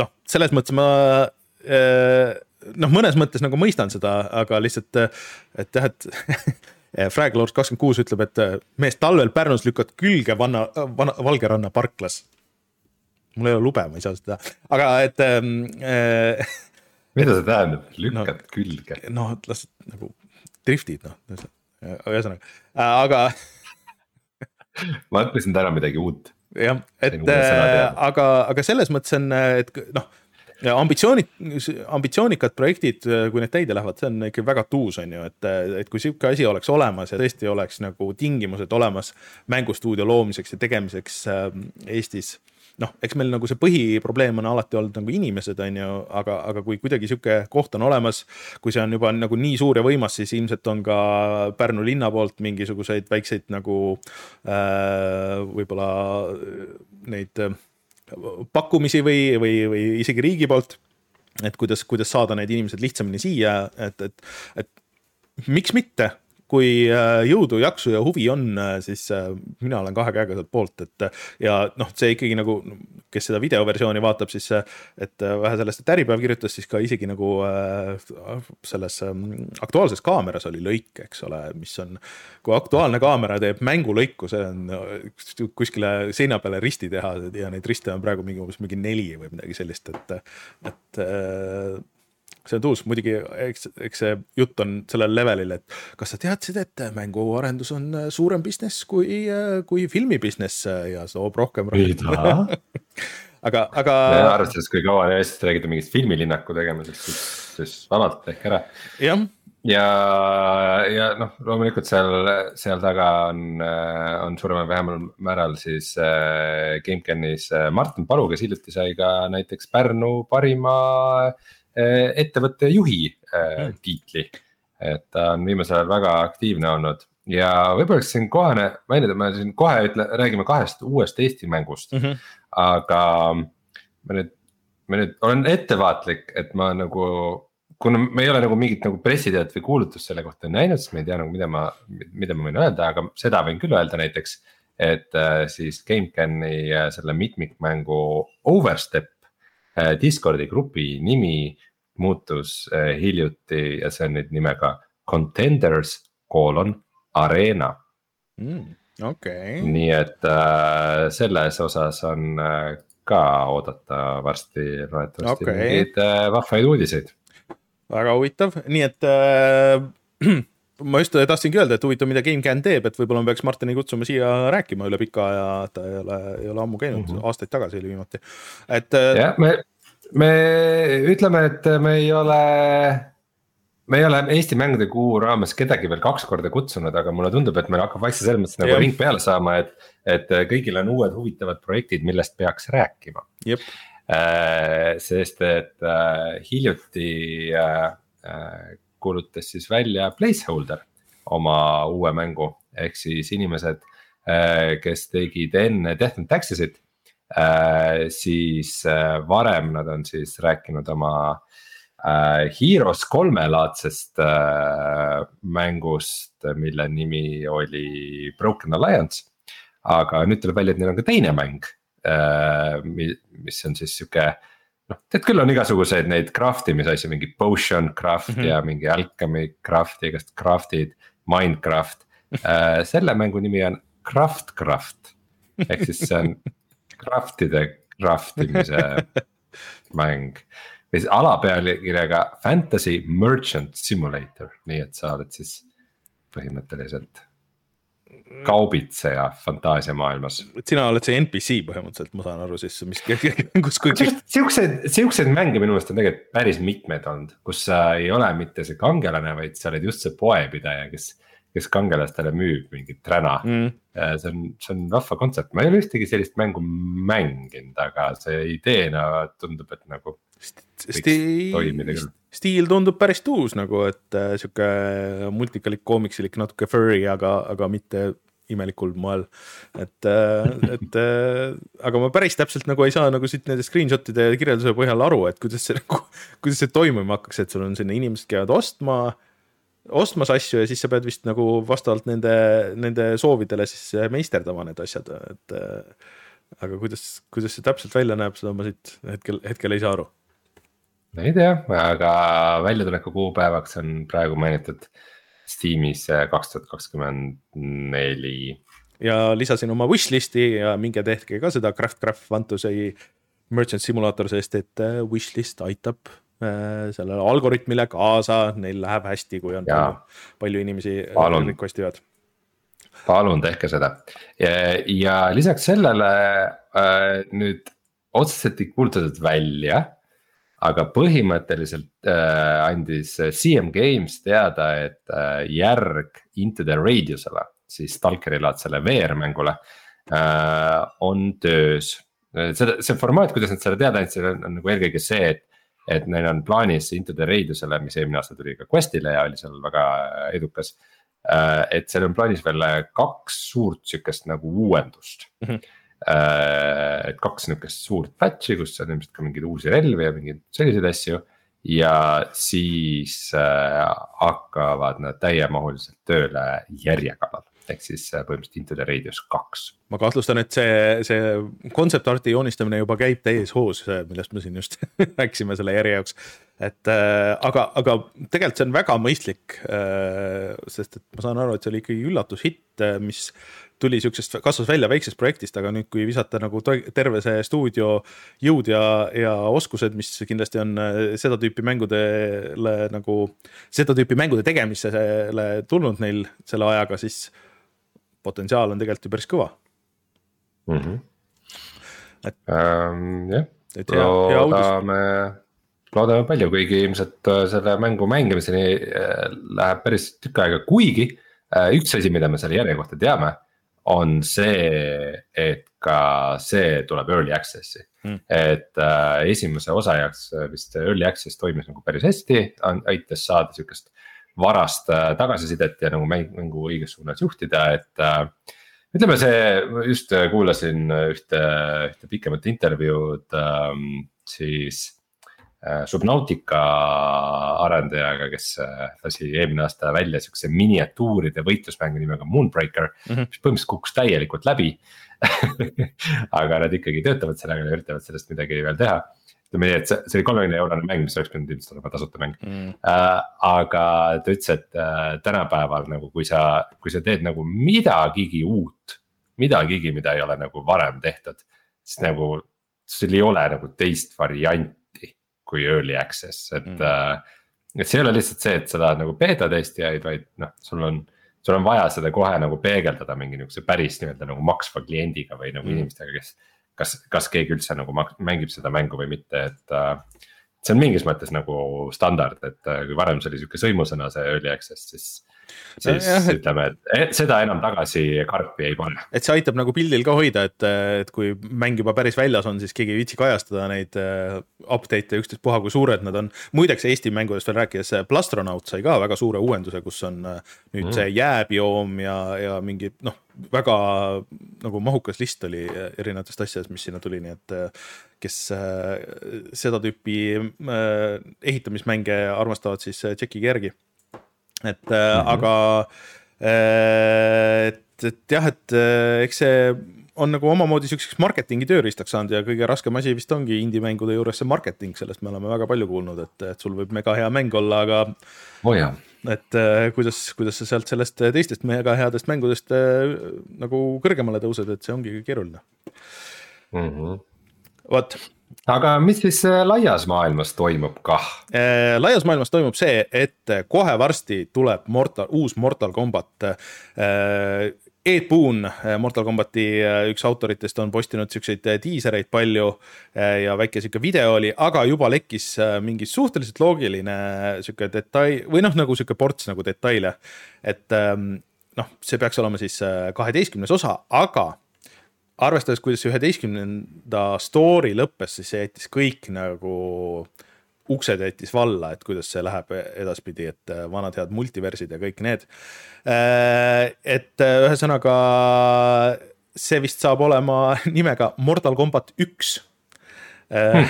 ehk siis, et rest in peace kõik vikid ja, ja mingisugused muud listid ja kui sa otsid Mortal Combat ühte et äh, läheb. kas varem on ilmunud mäng nimega Mortal Combat üks? no ja vot, vot see on nagu see küsimus eh,. on ilmunud kaks mängu nimega Mortal Combat.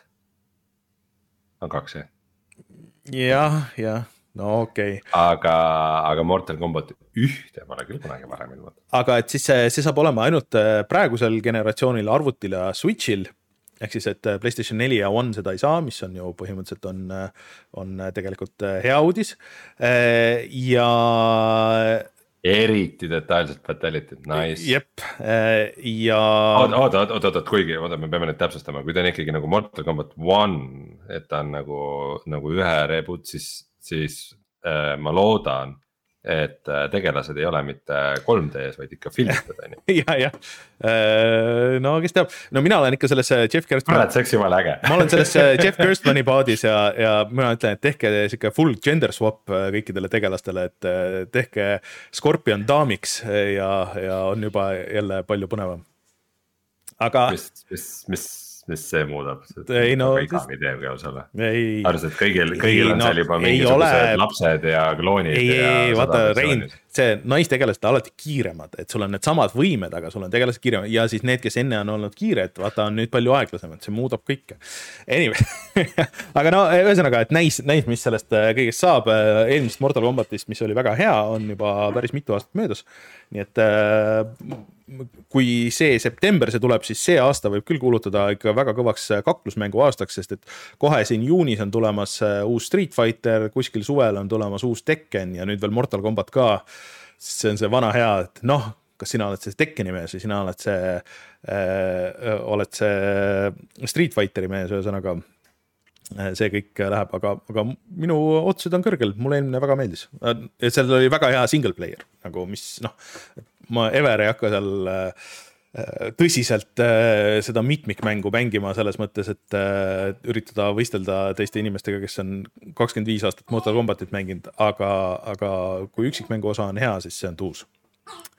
nüüd on äh, Dead or Alive on veel puudu nendest kõigist põhi, põhiseeriatest äh,. aga loodetavasti siis. kõigi lemmik rannapolle mäng. jah äh, see on mul kuskil siin riiulis olemas selja taga. Äh, ühesõnaga loodetavasti lähiajal siis rohkem uudiseid.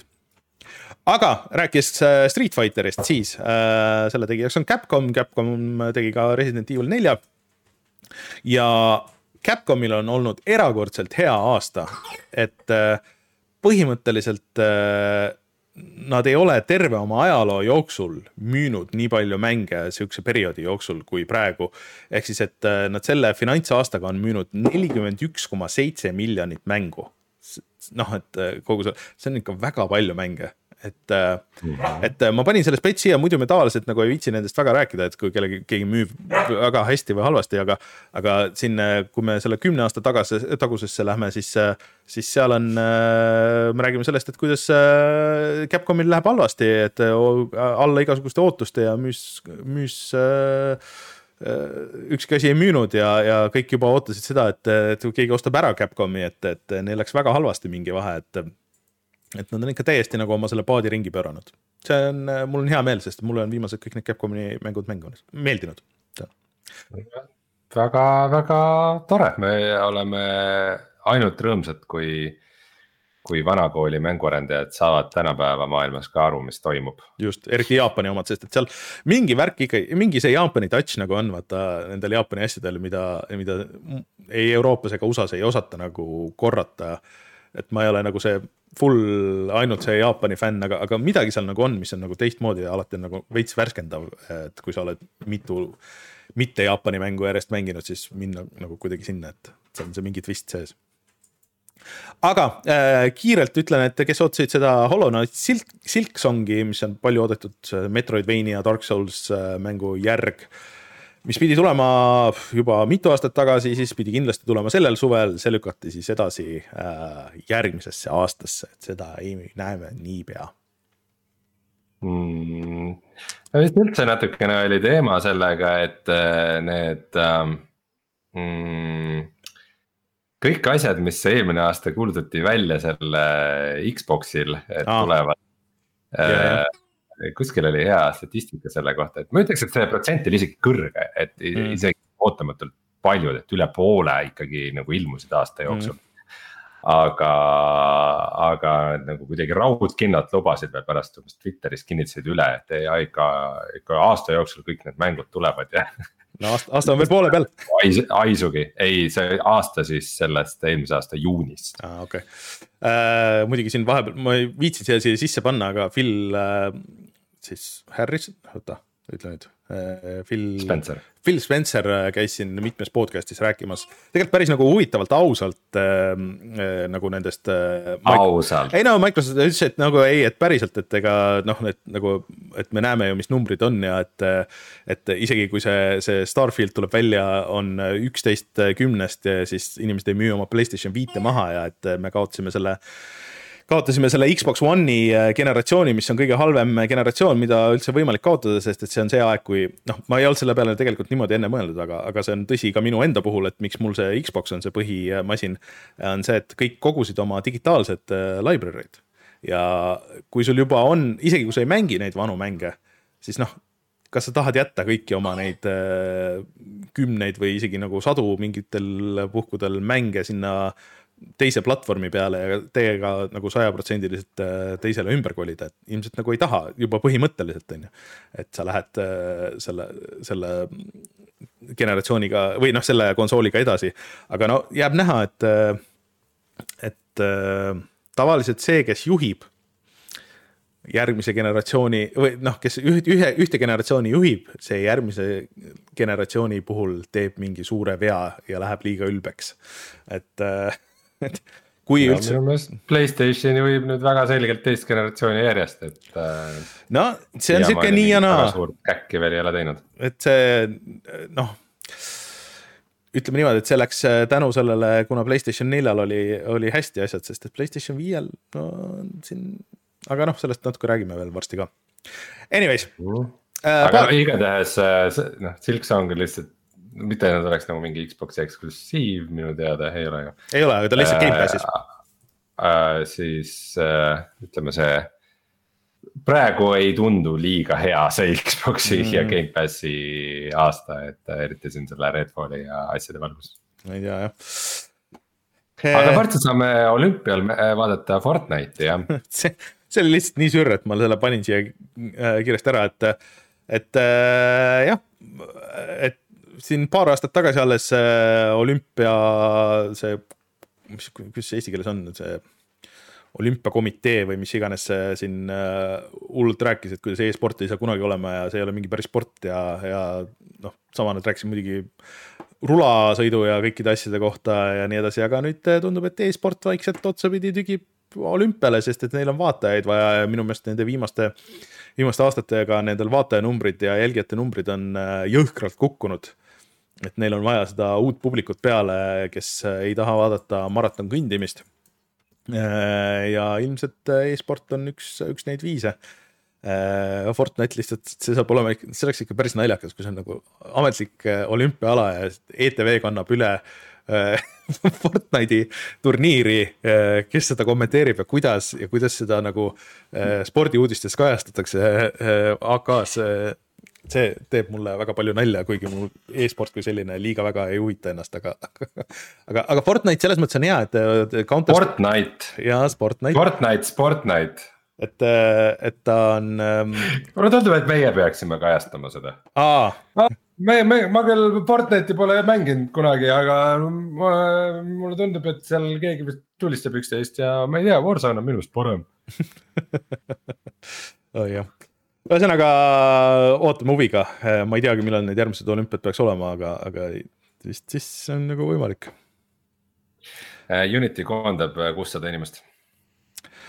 jah, ma selle nagu panin siia ja siis samal ajal ma nägin, et mul oli tulnud äh, väike notification ühest Unreal'i Discordist, et Unreal viis punkt kaks on nüüd kõigile kättesaadav, et. -hmm. mis asja, miks mina seda ei tea see vist on just nüüd juhtus et mis on huvitav proovida. aa, nagu praegu? jah okay, ja et Unity on vist väga raskes äh, seisus juba mõnda aega, sest et äh, ma olen nagu natuke jälginud neid äh, igasuguseid mootori asju ja, ja Godot vist nagu sööb nende lõunat päris hoogsalt. et Unity ikkagi no kes ei tea, et on küll tasuta kasutada, aga, aga sa pead maksma mingit litsentsitasu, kui sul äh, sissetulekud lähevad mingist äh, hetkest kõrgemaks. Äh, Unity ise vist kasutada on nagu ka nagu natuke ebamugav, kui sa ei ole sellega harjunud, et sul on hästi palju mingeid plugineid ja asju, mida sa pead kuskilt mujalt otsima ja, ja noh, et ta ei ole nagu nii mugav, kui sa ei taha just 2D mängu teha. Ja Godot on täiesti open source tasuta, sul on selles uues versioonis on kõik need 3D asjad ja kõik ka olemas, sa saad otse Blenderi faile importida sinna, mis on tegelikult päris suur asi ja lihtsalt Unreal on võib-olla lihtsalt overkill mingite paljude projektide jaoks, et äh, ma saan aru, miks neil halvasti läheb ja nad on ka siis avalik firma või noh, nagu selles mõttes, et börsifirma Äh, ja nad peavad äh, aktsionäridele näitama suurt tõusu kogu aeg. Äh, Unreal teatavasti siis ja Epic ei ole. ja see on juba mitmes, mitmes koondamine neil ja seekord kuussada inimest, et mis on siis kaheksa protsenti nende kogu sellest, sellest tööjõust, seda on ikkagi üksjagu et ja, ja seda juhib ju John Ric Ricatello, kes kunagi äh, Äh, juhtis EA-d, kui ma õigesti mäletan, et äh, siis, kui EA valiti kõige halvemaks firmaks üldse maailmas et, et äh, jah ei no selles mõttes ei tasu arvata, et Unity nüüd lähiajal kuhugi kaob. ei seda kindlasti. kaks tuhat kakskümmend kaks aastal nad ka tegid siis rekordkäivet üks koma kolmkümmend üheksa miljardit dollarit äh,. aga mm, võib-olla nad on jah, viimasel ajal veidikene vähem vähem nähtav siin kõikide mingite Unreal Engine viie juttude ja asjade kõrval. No. Äh, ja noh, nagu arenduse koha pealt on ka see nagu üsna segane ja nagu mitteusaldusväärne mm -hmm. suund olnud, et kujutan ette, et sellised uudised väga ei meeldi äh, inimestele, kes on väga mitu aastat oma elust investeerinud ja väga palju raha äh, mingitesse Unity mänguprojektidesse, et äh, et oot, et noh, mitte isegi kui ei ole hirmu, et nagu, et otseselt Unity kinni läheb mm, -hmm. vaid mingisugused. Mingisugused äh, süsteemid, mida Unity on aastaid lubanud või mingid bug'id, mida nad on lubanud parandada, et äh,, et ei tea jah või no juba ühilduvus näiteks mingite uute asjadega on ju, et, et, et see, see võib täitsa probleemiks saada. eriti kui sul on tasuta asi nagu kõrval võtta või siis mingi väga võimas asi kõrval võtta, eks. Äh, muideks sellest on noh, igast äh, nende Unreal'i asjade puhul vähe räägitud, et, äh, et noh, et see viis on nüüd mega noh, raid racing ud, kõik muud, muud värgid. aga nad on salaja teinud ka oluliselt mugavamaks 2D mängude tegemise seal. et ähm, paar kanalit, mida ma jälgin, et, et noh, nagu räägivad ja näitavad, et aa, et no, siin on blueprint'id ja asjad on olemas ja siin on kõik nagu et noh, Unreal oli kuulus nagu selle poolest äh, kolm ja, ja neli, et, et seal 2D asju oli raske teha, et, et nüüd on selle ka ette võtnud ja siis noh, söövad ka selles osas seda äh, Unity leiba, et et kui sa tahad sihukest väike, väiksemat treeningprojekti teha Unity's, et see selgeks saada, siis noh, teed võib-olla pigem Unreal'is, et sul on rohkem kasu suures plaanis sellest. Vabandust, mul tuleb üks, lihtsalt üks jabur mälestus eelmise aasta Gamescomilt, kui Äh, mina ja minu äh, kolleeg hakkasime lahkuma just äh, päevaks sealt suurelt mängutöösturite alalt, kui järsku hüppas meile juurde üks Unity särgis asiaadist noormees. ja ütles, et aa, et mis, mis mängumootorit te kasutate? me kasutame Unreal'i mis asja, tulge, tulge ajame juttu kohe, kohe mingisugused niisugused äh, järsku olid mingid veinid ja õlled olid laual ja teeb lihtsalt. mis, Unreal, nad ei, nad ei, nad ei hooli teist, mina hoolin teist, et kas, kus nemad on, mina olen siin, kus nemad on, kõik, mida nemad teevad, me teeme paremini siiamaani, siiamaani meenutame, kuidas, kuidas nagu lihtsalt väga, väga vanasti... entusiastlik müügimees üritas meid nagu sundida poolt valima, see oli väga naljakas, pärast rääkisime järgmine päev seda Unreal'i inimestele, kes olid väga rahulikud.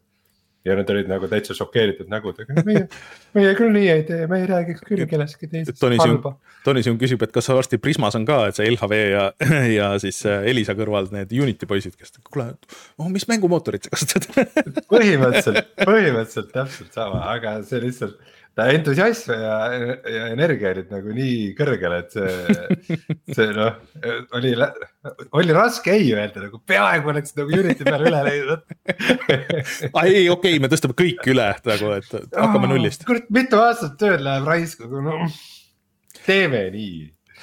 jah ühesõnaga need mootori asjad on äh, lõbusad, äh, lihtsalt huvitav jälgida, kui ise oled nagu natuke näppinud neid, et, et see sõda käib seal mingites äh, naljakates asjades, et aga äh, jah, kes tahab praegu täiesti nullist indie-mängu teha, siis äh, on väga palju võimalusi ja ma kahtlustan, et Unity võib-olla isegi on nagu viimane nendest valikutest äh,, mis, mis hetkel, hetkel teha vot. nii hull see asi ka ei ole, ütleme mingite pluginate ja asjade poolest on nad ikkagi. no kõige... ütleme, et kui sul on enne kogemus olemas, siis, siis ilmselt küll, aga kui sa hakkad täiesti nullist tegema, siis noh, nagu väga vähe asju on, mis seal äh, Unity kaal, kaalukausis on võrreldes kõigi nende teiste variantidega kuule, aga vaatame siis kiirelt üle, mis, mis kümme aastat tagasi need põhiargumendid olid. jep.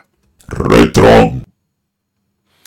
äh, kümme aastat tagasi äh, siis äh, rääkisime sellest, kuidas uus äh, Sims kuulutati välja, täna just tegelikult ma ei viitsi sellest pärast rohkem rääkida, aga et Epicus on see Sims nelja mitu lisapakki tasuta, et kes siiamaani mängib.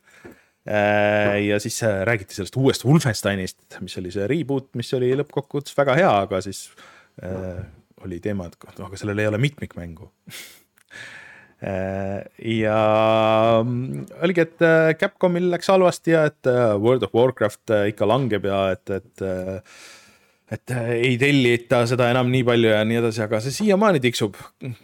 kümme aastat tagasi või hiljem vaikselt muudkui aga ratsutab edasi.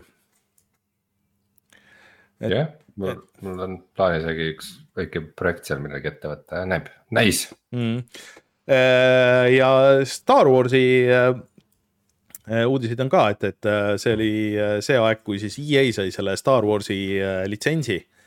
ja mm, see on nagu päris äh, äh, oluline hetk oli, aga sellest ei tulnud nagu väga palju nagu suures plaanis ikkagi, et äh, ainult need Battlefrontid, millest üks oli nagu okei okay, ja teine oli ikka täis katki ja siis kogu see, see mikromaksete draama oli ju seal ümber ja et noh, see Jedi ikkagi on olnud see, see kõige suurem äh, nimi, mis on sealt tulnud ja millel on hästi läinud, et äh, see on nüüd ikkagi pigem uus asi ja pigem nagu ka yeah. niisugune kõrvalliin yeah., sest et äh, EA vahepeal ei tahtnud üldse üksikmänge teha. jah, et äh, ja, ja siis, siis oligi EA uudis ka, et, et sinna et kõik Frostbite kolme mängud, rääkides mootoritest, äh, millest väga ei räägi tänapäeval, siis et äh, Wii U peale nad ei hakanud seda üldse portima. sellepärast ei tulnudki EA mänge peaaegu üldse tegelikult äh, Wii U peale, see on tavaliselt väga halb märk. vot, meil vist rohkem midagi Mis väga põnevat, põnevat ei olnudki kümme aastat tagasi, jep. aga siis ma vajutan nuppu ja siis räägime kiirelt ka neid asju, mis me oleme sellel nädalal mänginud oih, vale nupp.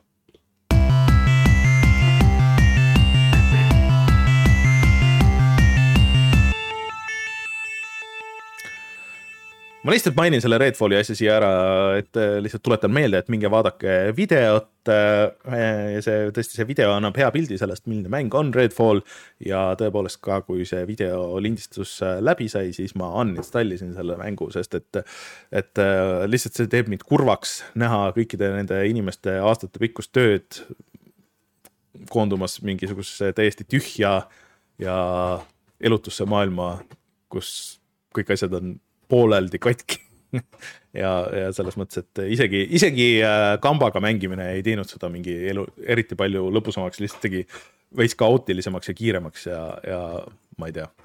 minge vaadake videot ja siis saate selle pildi silmade ette. aga Rein, äh, kuidas sul Dwarf Fortressis läheb?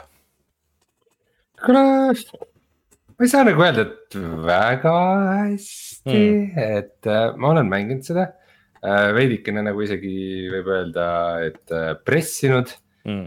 et, äh, et, et, et kuhugi jõuda. Mm, ma avastasin, noh, tegelikult avastasin juba ammu, aga, aga proovisin seda uudistada rohkem, et ma kaevasin hästi sügavale ja seal avanes nihuke seenekoobas, kus oli mingeid huvitavaid asju, ma mõtlesin, et, et kuidas sellele läheneda nagu ettevaatlikult, et äh, et kuidas nagu dvarfe suunata sinna mingeid asju tegema või kuidas, kas ma peaks nagu ehitama mingid kaitsed ja asjad. ja siis ühel hetkel ma avastasin, et minu dvarfid juba ammu käivad seal äh, korjamas näiteks siidi mm.. et äh, minu kuduja ju vajab midagi, millest kududa ja siis ämbliku siid on kõige parem materjal, millest sokke teha ja asju, et siis ta juba kogu aeg käis seal. Kuni ühel päeval siis äh, hammustas teda alligaator ja ta, ja ta ukse ees verest tühjaks jooksis äh,. aga ma reageerisin kiiresti tegin ülesse haigla, panin suvalise puuraiduri vastutavaks arstiks, kuigi tal puudus igasugune kvalifikatsioon äh, selle peale kohe ta saatis kellegi, kes tassis siis selle vigastatud inimese haiglavoodisse ja sama päev ta oli juba tööl tagasi. kõik oli korras, et okay. mingid, mingid siuksed. siuksed kuidagi Dwarf Fortress on siuke, siuke mäng, et kunagi nagu ei tea täpselt, mis juhtub. see võib-olla ilmselt teebki selle nagu huvitavaks paljude mängijate jaoks, et äh,. Neid süsteemi asju on nagu nii palju ja kui nagu mingi asi võib millegini viia väga mm. märkamatult Äh, ja mingi, mingi veider asi võib väga tähtsaks saada, näiteks, et mm, mulle üks hetk tuli paar immigranti, kuna tore, tore asustus, siis sinna tuleb ikka dvarfe juurde ka mm. -hmm. ja siis üks neist oli kahekümne seitsme aastane, äh, mis on noh, ühe päkapiku kohta ikka väga-väga noor, põhimõtteliselt nagu laps okay.. aga ta äh, oli kuidagi saanud juba äh, legendaarsete oskustega siis äh, äh, kivi mm, mis eesti keeles mingi kivimeistrimeheks või, et mm -hmm. kes äh, oskas äh, väga osavalt kivist teha igasuguseid kujusid ja mm, potte ja ja asju, põhimõtteliselt iga asi, mis ta teeb, on enam-vähem kohe mingisugune meistriteos umbes, mis okay., mis äh, ma saan panna kuhugi pjedestaalile kõigile vaatamiseks ja kõik on nagu vau wow.. ja lähevad mööda ja neil on kohe tuju parem ja pärast nad veel meenutavad seda, et nad seda ilusat kuju nägid ja siis neil on uuesti tuju hea ja siis nad räägivad kellegagi sellest kujust. ja neil on tore olla, et see vestlus nii hea oli ja ma, ma ei tea, et kas, kas see on väga haruldane, et mul niimoodi vedas, et mul sihuke tüüp kohe, kohe sinna sattus või see on midagi midagi rohkem erakordset, aga muidu midagi jah, väga huvitavat nagu meil linnas ei toimu, et kuidagi ongi sihuke äh,. nagu muretsesin mm, veidi sellepärast, et kas ma peaks kohe mingisuguse armee tegema äh,. et põhimõtteliselt Dwarf Fortressis sul ongi, et äh, sinu need päkapikud, kes muudkui nagu teevad tööd, kes on siis kaevandavad või raiuvad puid või teevad süüa või mis iganes nende töö on et siis ne, ne, nemad on ka sellised nagu, et, et sa paned nad ka mingitesse üksustesse, kus nad aeg-ajalt käivad treenimas. ja siis vajadusel nad nagu kaitsevad kodu, et noh, veits nagu Eesti sihuke ajateenijate süsteem on ju. et äh, siis äh, ma mõtlesin, et kas ma nagu teen halvasti, et ma juba sellega ei tegele. ja ma kuulasin ühte podcast'i, Dwarf Fortressi podcast'i, kus äh, rääkisid siis mängijad, kes on aastaid ainult umbes seda mänginud. ja siis üks ütles, et tema enne mängis pool aastat, äh, kui ta üldse esimest korda selle sõjaväe teemadega nagu tegelema hakkas. teine ütles, et ma mängisin umbes aasta enne, kui ma seda, üldse seda vaatama hakkasin, siis mõtlesin, okei okay, võib-olla on chill, et ma sellega praegu veel nagu mm. peale, peale esimest kümmet, kahtekümmet tundi ei, ei tegele äh,. aga üks asi, mis ma avastasin, mis võib-olla mulle läheb korda, et põhjus, miks mina, noh, nagu süsteemipõhised mängud ja niuksed nagu rogu-like mängud mulle väga meeldivad. aga üks põhjus, miks mulle ei kliki, on see, et nagu. Ta on põhimõtteliselt ikka sihuke nagu kolonism, et kui sa manageerid ühte kolooniat ja seda tüüpi mänge ma nagu tavaliselt väga pikalt ei viitsi mängida mm. -hmm. aga üks asi, mis mul ei läinud nagu veits radari alt mööda, on see, et tegelikult originaalses Dwarf Fortressis äh, on ka sihuke asi nagu adventure mode äh,. mida Steam'i versioonis veel ei ole, aga varsti peaks tulema mm. -hmm. et see siis põhimõtteliselt tähendab seda, et sa teedki nagu ühe tegelase ja justkui mängid nagu rollimängu selles Dwarf Fortressi maailmas, et sul on nagu üks tegelane, kellel on nagu saad mingeid quest'e ja, ja nagu rändad seal maailmas ringi ja et võib-olla sedasama maailma nagu avastada selle nurga alt äh,. sobiks minu jaoks nagu märksa paremini mm., nii et äh, praegu tundubki, et ma. ma arvan, ma veidikeseks jätan Dwarf Fortressi riiulisse ja ootan, kuni see adventure mode välja tuleb ja, ja mängin siis seda edasi aga kas, kas see ei ole sihuke mäng, mille oleks võib-olla huvitav lihtsalt jätta, ma ei tea, üleöö käima ja vaatad, mis juhtub, kui hommikul tagasi lähed mm.? või, või need? Maybe, selles mõttes küll jah, kuigi noh, vist vahel ongi see, et kui nagu midagi nagu untsu läheb, siis läheb untsu väga kiiresti ja no umbes sul käivad mingi paar korda aastas mingid kaubitsejad mm -hmm. ja siis. siis, siis need asjad, mida sa ise ei suuda toota, et siis sa peaks nagu neid hankima kuskilt kaubitsejate käest. ja noh, ütleme, kui sa nagu üldse ei mikromanageeri, siis. ei no huvitav oleks proovida ikka, sest sa saad mm -hmm. tegelikult Dwarf Fortressis ka mm -hmm. teha nii-öelda nagu hargnevaid save'e, et, et see see ei keera sul ilmtingimata mängu pekki, et sa, et sa nagu sa... võid teha ühe save'i ja midagi katsetada põhimõtteliselt ka. sest sa eelmine kord rääkisid, et siin käib kõik nii kiiresti ja kõike simuleeritakse hullult palju, et võib-olla olekski huvitav mm -hmm. jah, et, et mis, mis siis saab, kui sa lased kümme tundi nagu tiksuda sellel ja siis, siis vaata, et okei okay,, mis siin maailmas äh, toimunud on. jah, võib-olla tõesti, see on iseenesest äh, vahva mõte, aga noh, samas osad need süsteemid, vaata, kuna sul ei ole animatsioone, siis ongi mm. see, et mingi. sa loed mingist logist umbes, aa, keegi võitles kellegiga, mis asja, mis asja. nagu lähen sinna nelikümmend korrust allapoole, scroll in ja siis vaatan, ahah, siin on verelaik maas, et äh, umbes. kuulasin intervjuud selle tegijatega ka, siis oli ka umbes, et, et äh, kuskil on trepi peal veri ja siis scroll'id üles-alla ja siis avastad, et mingi goblin on kotiga ja hoiab mingist lapsest kinni ja tahab teda kotti toppida just, et aa, ma avastasin nüüd järsku selle. Kõik toimub samal ajal, et siis ma, siis nagu seda kõike märgata on raske, et.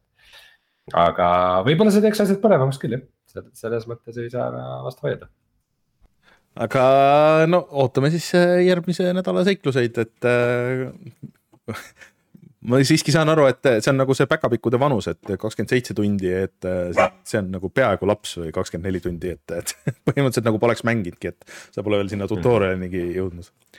Aga äh,. jah, samas, samas ma kuulsin nagu vanade mängijate kogemusi ja need olid nagu. nende lood olid sarna-, veidralt sarnased sellele, mis mina kogen, et võimalik, et vaata see vana Dwarf Fortress, et ta kuidagi kulges teistmoodi, et oli raskem nagu jõuda kuhugi maailma oh,. Okay. et ähm, Mm, jah, see jah, veits, vaatame, mis saab aga eh, mina siis, eh, kuna sellel ajal, kui on see audioversioon väljas, siis eh, loodetavasti olen saanud juba selle, selle mängu kätte, ehk siis Zelda Tears of the Kingdom peaks ilmuma nüüd reedel ja et meelde tuletada siis ja et oleks värske võrdluspilt, siis ma lihtsalt panin selle Breath of the Wild'i käima uuesti. ja lihtsalt tegin selle noh, nagu päris algusest nagu nullist ja, ja siuksed esimesed mingi tund aega või midagi siukest. see oli lihtsalt nagu huvitav, et äh, ma olen vahepeal nüüd mänginud äh, noh, ju palju siukseid suuri avatud maailma mänge ja noh, Elden Ringi, mis on nagu eriti konkreetselt olnud inspireeritud sellest. ja, ja teised need siuksed suured mängud, et äh, see on ikka mega värskendav, milline selle mängu algus on. Et äh, kus sul ei ole pikka tutorial'it, äh, kus sul ei räägita seda kogu loori nagu ära seal mingite äh, kümnete minutite kaupa. ja et kõik need siuksed väiksed touch'id, et kuidas sa lähed sinna maailma muidu Game Maker's Toolkit tegi ka päris hea video sellest nüüd, kus, kus nad räägivad neid, põhimõtteliselt siis äh, üks väheseid siukseid Nintendo nagu enda äh, mingeid neid ähm, talk'e või noh, ma ei tea, siukseid ettekandeid äh, sellest, kuidas nad mänge arendavad, äh, oli Breath of the Wildi kohta, aga nüüd see on internetis kadunud. siis ta taastas kogu selle info nagu, et mis nad tookord rääkisid ja kuidas nad lahendasid seda avastatud maailma probleemi. ja et kuidas sul igal, igal hetkel on nagu mingi umbes kaks-kolm asja või kolm-neli asja on silmapiiril, mida sa võid nagu minna ja avastada, aga nagu sind ei suunata väga nagu otseselt ühegi poole, et kõik on nagu välid ja kõik lõpuks lähevad äh, kuskile ühte kohta. Äh, ja et kuidas sul, kuidas sa avastad maailmas asju, et sul ei ole mingit pikka dialoogi selle igas, näed, see on nüüd see asi, sellega sa võid teha seda, see on selleks, selleks, selleks. aga lihtsalt, et kui sul on mingi asi, mida sa veel ei ole leidnud, siis sul on, seal on küsimärgid, sa võtad selle ühe korra üles, okei okay,, et see on own. ja siis sa võid vajutada nuppu selle kohta pikemalt lugeda, aga siis tead, et okei okay,, see mul juba on olemas, seda ma olen kunagi kohanud, aga vaata, see on uus asi okei okay,, seda ma veel ei, ei ole kohanud, et äh, noh, siuksed pisikesed väiksed asjad, mis võrreldes sihukeste teiste uue kooli avatud maailma mängudega nagu ma ei tea, see äh, Dying Light, kus sul on esimesed fucking kümme tundi, sul räägitakse kõik nii pikalt ja põhjalikult ära ja siis äh,. või siis äh, ma mõtlen, mis siin veel on olnud neid suuri, mida ma mänginud olen äh,. noh, Elden Ring tegi isegi nagu päris hästi, et äh, aga, aga ühesõnaga, et, et et kuidas ta, isegi noh, see Zelda Skyward Swordi see remaster, mis ka hakkab mingi megapika ja tüütu tutorial'iga, kus sulle iga asi veel näidatakse ette ja sa pead nagu iga dialoogi läbi vaatama. maks tüütu, et et väga värskendav oli minna viis aastat tagasi vanasse või kuus aastat äh, vanasse mängu ja, ja siis tunda, et aa, et see on nagu päris nagu moodne või huvitav või teistmoodi. aga no, et, et juba siin on nagu näha muidugi see, et, et see puhttehniline, et no ikka tekstuurid on ikka väga mudased ja, ja siin frame rate kukub, et, et täna juba tegelikult tuli see Digital Foundry äh, äh, uue Zelda Äh, see mm, nii-öelda tehniline analüüs. Äh, ja et see ikkagi äh, näeb veits parem välja ja samas jookseb nagu stabiilsemalt ja paremini, et sa pead ikka nagu vaeva nägema, et seda noh, ta jookseb küll kolmkümmend kaadrit sekundis mis Switch'i kohta on okei okay,, aga et sa pead ka nagu veits vaeva nägema, et sealt nagu alla kukutada see, et kasutades mingeid võimeid mingit küla keskel või midagi sihukest, et aga aga selles mõttes, et äh, esimesed arvustused on ka, kõik on kümme kümnest äh,, välja arvatud, ma ei tea. hakkab pihta jälle. Eurogeimer andis äh, neli viiest, et äh, üks kõige madalamaid, et aga, aga et vist, et kõik asjad, mis olid äh, Breath of the Wildis olid head, on nüüd paremad. Eurogeimer ei anna neid punkte ju, Eurogeimer ei anna mitte rekomendid. Nad, nad läksid, nad just vahetasid. tegid erandi või? ei, nad. Läksid tagasi punktide peale või? Nad on nüüd, annavad tärne, et üks kuni viis tärni ja ei ole mingeid pooltärne sest et kõik need nende vanad, need recommended, not recommended vist tõlgendati ikkagi mingiteks äh, punktiskoorideks ja siis neil sihuke ah fuck, okei okay. äh,. andsid alla aga, aga selles mõttes, et äh, oli äh, huvitav ja see oli nagu jah, puht mängutehniliselt äh, huvitav vaadata, et kuidas sind nagu juhendati ilma tutorial'ita kõikide nende süsteemideni äh, suht orgaaniliselt, et või vähemalt nagu jäeti see mulje, et aa, ma ise avastan neid asju. et aa, ma saan niimoodi teha, et ma saan siia minna, aa, ma saan seda kivi lükata ja aa, et see, kui ma selle kivi lükkan sinna. ma väga respekteerin seda, selles mõttes mm -hmm. mulle nagu iseenesest meeldib see, mis Zelda Breath of the Wild tegi. küll ütles, et natukene võib-olla nagu tagantjärele, et äh, on võib-olla see, see Breath of the Wild natuke overrated, et noh. et see ongi, ta on küll hea mäng, aga nagu, et oo oh,, maailma parim mäng ever vist tehtud nagu noh, võib-olla nagu ma ei tea. aga, aga mul on nagu, hoolimata sellest, et mulle esimene meeldis, mul ikkagi ma ei ole siiamaani näinud mitte midagi, mis mul selles järjeosas huvi tekitaks, et ta nagu ei ole ka piisavalt erinev kuidagi, et ta on nagu sellesama stiiliga ja äh,. ma ilmselt olen ka piisavalt no. graafikahoor, et äh, idee, et ma nagu äh, sellesama Switch'iga mängin nagu avatud maailmaga mängu kolmkümmend kaadrit sekundis äh, aastal kaks tuhat kakskümmend kolm, et no mulle ei meeldi see mõte kohe nagu üldse mul see ei ole, kui, kui ta suudab seda stabiilset kolmekümmend hoida, siis ma selle elan üle, aga, aga äh, jah, et siin vist, äh, kui ma õigesti aru sain, et siin on põhimõtteliselt kogu see Breath of the Wildi maailm on nagu alles aga siis on nagu seal all ja üleval ja see lihtsalt see struktuur on nüüd nagu teine, et sa ikkagi nagu vanades Zeldades sa lähed äh, ikkagi nendesse nii-öelda sihukestesse disainitud aladesse, dungeon itesse ja lahendad need eraldi ära ja siis sa tuled sinna overworld'i tagasi ja siis sa, et mitte ei ole need pisikesed shrine'id aga need on nagu siuksed ikkagi nagu suured omaette nagu alad ja missioonid nii-öelda. et äh, ootan huviga, et äh, isegi jah, et tüübid, kes ütlesid, et neile võib-olla ka samamoodi see esimene nagu nii palju ei klikkinud, et see oli nagu natuke äh, lihtsalt liiga avatud maailm täis äh, jauramist, et see on nagu natuke nagu struktureeritum võib-olla nagu rohkem ja et sul on nagu see konkreetsed, konkreetsemad missioonid, aga mida sa võid ikkagi nagu lahendada selles järjekorras, nagu sa ise arvad, et tahad see on, see on huvitav. Äh, ootan, ootan väga, et äh, et äh, saaks sinna sukelduda, juba see, kui mängisin seda Breath of the Wildi nüüd, siis ähm, juba see alguse muusika või noh, kui sa oled seal maailmas, siis on see vaikne klaver nagu siis juba nagu natuke tõi selle äh, nostalgia feel'i nagu tagasi, et äh, kaks tuhat seitseteist aasta save ja, ja siis sihuke. aa, sa võtsid tegelikult vana save'i või? ei no see viimane nagu save. ma nüüd mul oli väike brain fart, ma mõtlesin, et sa mängisid uut lihtsalt, ja võtsid vana save'i. ma lihtsalt vaatasin, vaatasin, kus see, kus see vana save nagu oli, aga et, et, et, et see oli kaks tuhat seitseteist, et selles mõttes oli oli äh, jah, nostalgiline minna nagu tagasi, aga. no sinu muljed siis järgmisel nädalal ja äkki saaks siis loodetavasti äkki isegi järgmine nädal video teha või?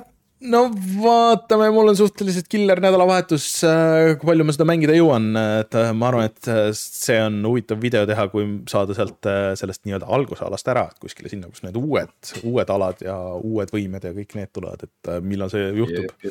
et seda, seda on muidugi sihukese mängu puhul on natuke raske raske ennustada, aga noh, vähemalt nii, nii palju, ma väga palju neid review sid ei lugenud, ma väga ei taha spoil ida, aga et lihtsalt, et. et ta noh, ta läheb nagu edasi sealt, kus äh, Breath of the Wild lõppes. et sa ei tee kõiki neid asju uuesti, et sa ei alusta nagu nullist, et okei okay,, et nüüd me oleme siin ja sa teed neid asju ja okei okay,, et siis rullid siit seda, et. et õpetame kõiki neid asju uuesti ja sa oled kõik oma võimed kaotanud, et ta vist ikkagi nagu läheb sealt äh, lihtsalt edasi ja, ja on, on ikka konkreetne järg aga jah ja siis ma olen tegelikult seda Metroid Prime'i remaster'it ka mänginud päris palju, et ma lihtsalt räägin selle kiirelt ära, et lihtsalt ei saanud edasi ja ma ei saanud aru, mis värk on, pidin minema internetti ja vaatama ja ikka ei saanud aru, mis värk on. Ja siis selgus, et ma olin kuskil mängu alguses jätnud võtmata lihtsalt ühe võime, mis on äh, sihuke lege Metroidvania probleem. Ja siis ma pidin minema täiesti teise kaardi otsa mängus, kus ei ole äh, fast travel'it mis võttis tunde, alguses ma tunde mässasin sellega, et, et aru saada, et äh, miks ma ei saa edasi, mul on kõik need asjad olemas. siis tuli välja, et ei ole. Ja siis ma pidin minema tunde ühte kaardi otsa ja siis tulema tagasi ja siis, et äh, saada edasi. Äh, see oli väga frustreeriv. asja ikka teevad tänapäeva mängud paremini, on ju? no ei, see on, see ongi lihtsalt selle äh, sihukeste Metroidvania mängude olemus, et see võibki juhtuda sihukestes mängudes, aga. aga lihtsalt, et kuidas ma, ma olin seal kuskil ja ma lihtsalt ei võtnud seda nagu põhimõtteliselt vist ära nagu seda, et ma ei läinud sinna ühte väga obvious kohta seal äh, ja, ja seda, et ähm, et see oli äh, suht tüütu ja eriti veel alguses, kui ma üritasin aru saada, et miks ma ei saa edasi Äh, siis see oli ka väga raske, äh, sest et see on nagu sihuke sihuke ala, kus sul kaob valgus ära ja siis sa kompad reaalselt pimeduses, sul on mingi eraldi visor, millega sa näed nagu äh, põhimõtteliselt halosid asjadest ja siis sa võid väga kergesti niimoodi surma saada. ja siis lihtsalt väga raske oli ja ma ei saa aru, mis ma tegema pean. siis selgus, et mul lihtsalt oli alguses üks asi võtmata jäänud. see oli tüütu. Anyways äh,, aga siis, kui mäng jälle hakkab kulgema, siis on, siis on hea. aga ma vajutan nuppu ja siis tuleme tagasi, vaatame, mis on internetis odav ja meil on päris mitu päris ägedat asja siin.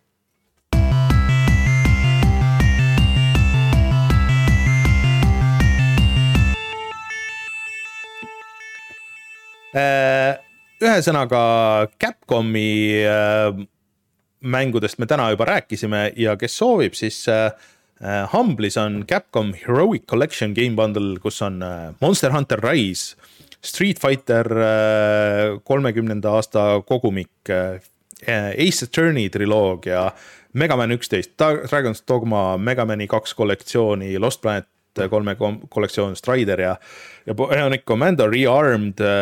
kogu selle paki saab kahekümne seitsme euroga juba Monster Hunter Rise, ma ütlen, on mega hea mäng Äh, ja selle, selle viga kusjuures ka oli see, et see oli alguses Switch'il ja, ja see puhttehniliselt nagu ei jooksnud seal väga hästi, et see PC versioon pidi väga hea olema. Äh, nii et äh, see on väga hea deal, aga kui siit midagi ei sütita, siis tegelikult seal Epic või selles Humble'i poes on käimas ka kevadine allahindlus, kus oli väga palju erinevaid huvitavaid asju erinevatelt väljaandjatelt, isegi Konami allahindlus on, siin on kõik Castlevania asjad ja Silent Hillid, mis, mis olemas on ja Metal Gear Solidid äh, päris heade hindadega, kaheksakümmend, üheksakümmend protsenti allahinnatud.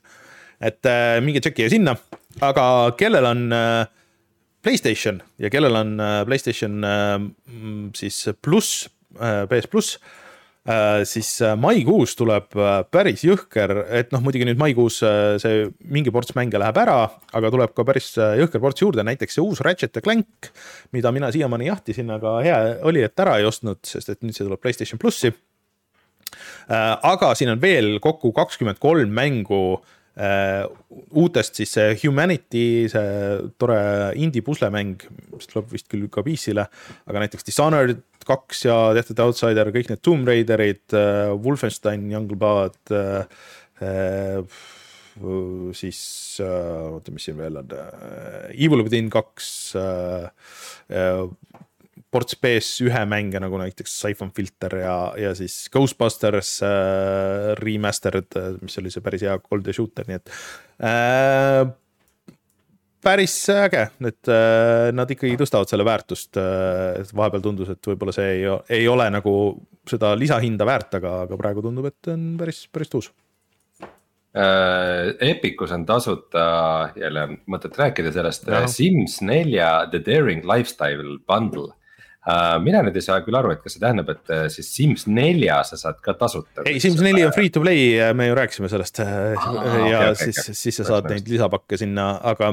aga lihtsalt huvitav. igatahes, äh, igatahes mitu pakki džungli luksuspeo ja Fashion Street'i pakid saad siis tasuta Epicust aga... ja järgmine nädal on siis mystery game. ma just tahtsin öelda, et see on see huvitavam osa, et tavaliselt mystery game'id on mingisugused suuremad asjad, nii et äh, vaatame siis, mis, on. kas me saates millalgi te spekuleerisite, et see Sims viis võiks midagi ka välja kuulutada. no lihtsalt sellest on nii kaua aega möödas, et äh, millal Sims neli tuli, et me ju rääk-, see kümme aastat tagasi sellesse podcast'is oli see mhm. Sims nelja asjad on ju, et. et oleks ju aeg äh, Sims viieks küll äh,, ma arvan, et äh, see läheks nagu soe sai just, just ja Steam'i tasub ka vaadata, et äh, praegu on näiteks äh, Paradoxi sale äh,, neil tuli välja siis just Age of Wonders neli aga neil ikka muid, muud mängud on praegu kuni kaheksakümmend protsenti odavamad siin alates City Skyline'ist kuni Stellarise ja Crusader Kingsini. Äh,. lisaks ka näiteks äh, Far Cry kuus maksab ainult viisteist eurot. Mm.. et nii odav ta vist küll pole varem olnud, seitsekümmend viis protsenti allahindlus, et äh, pole väga huvi Far Cry kuue vastu, aga kui kellelgi on, siis ütleme viisteist eurot on küll ikkagi päris äh, soe, soe magus hind ja, ja Anno seerial on samuti allahindlus, et ähm. Äh, seeria, mis mulle ja Martinile väga meeldib, et Anno tuhande kaheksasaja saab praegu kahekümne euroga kätte. ja igasugused lisapakid on ka väga odavad, aga ka, ka vanad Annod on ikka siin viis euri maksavad mõned ja siis äh, Fanaticalis on äh, Hotshot Racing tasuta, mis on väga hea sihuke arkaadi kihutamine, et see, see on Steam'i key seal. ja siis äh, tegelikult Fanaticalis veel on ka sihuke retro bundle Asterixi mängudega ja, ja siis kolmteist ja Flashback, millele siin jälg, järg välja kuulutati ja. ja Doki, mis on sihuke, peaks olema sihuke Metroidvania vist, kui ma õigesti mäletan.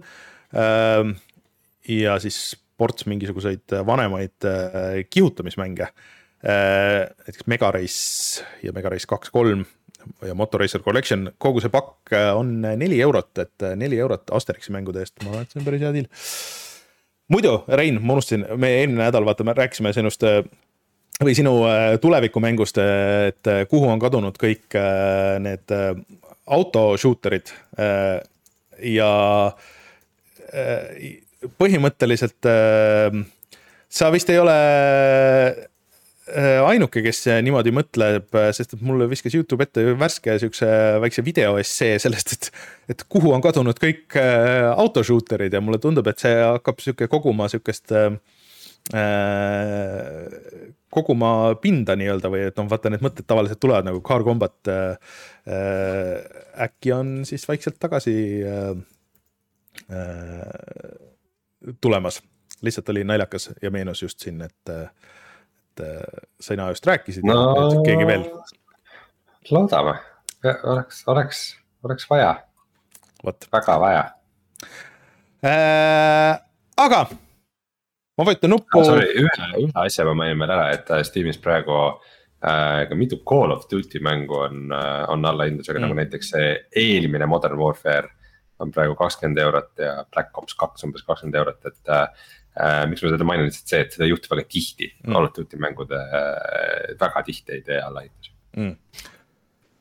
vot aga kuule, me oleme täna päris pikalt teinud ja kutsume siis saate saateks. Äh, suur tänu Kaidule äh, rääkimast siis, äh, kuidas on olla kunstnik mängude peal ja minge vaadake siis, kui te otsite Kait Kübar, leiate kõik tema asjad Instagramist või, või siis lihtsalt vaadake meie saate posti juurde, et seal on tavaliselt see lingilist ka nii Youtube'is kui, kui audioversioonis. ja mina olen Rainer, minuga Rein, me oleme järgmisel nädalal tagasi, loodetavasti on Martin ka ja siis on meil Morris kes räägib oma mängust Haikude robot äh, ja pange oma küsimused valmis. mängige Haikude robotit, see on hea mäng. vot, aga thanks Rein, thanks Kait, mina olen Rainer, kohtume järgmisel nädalal, tšau. hüvasti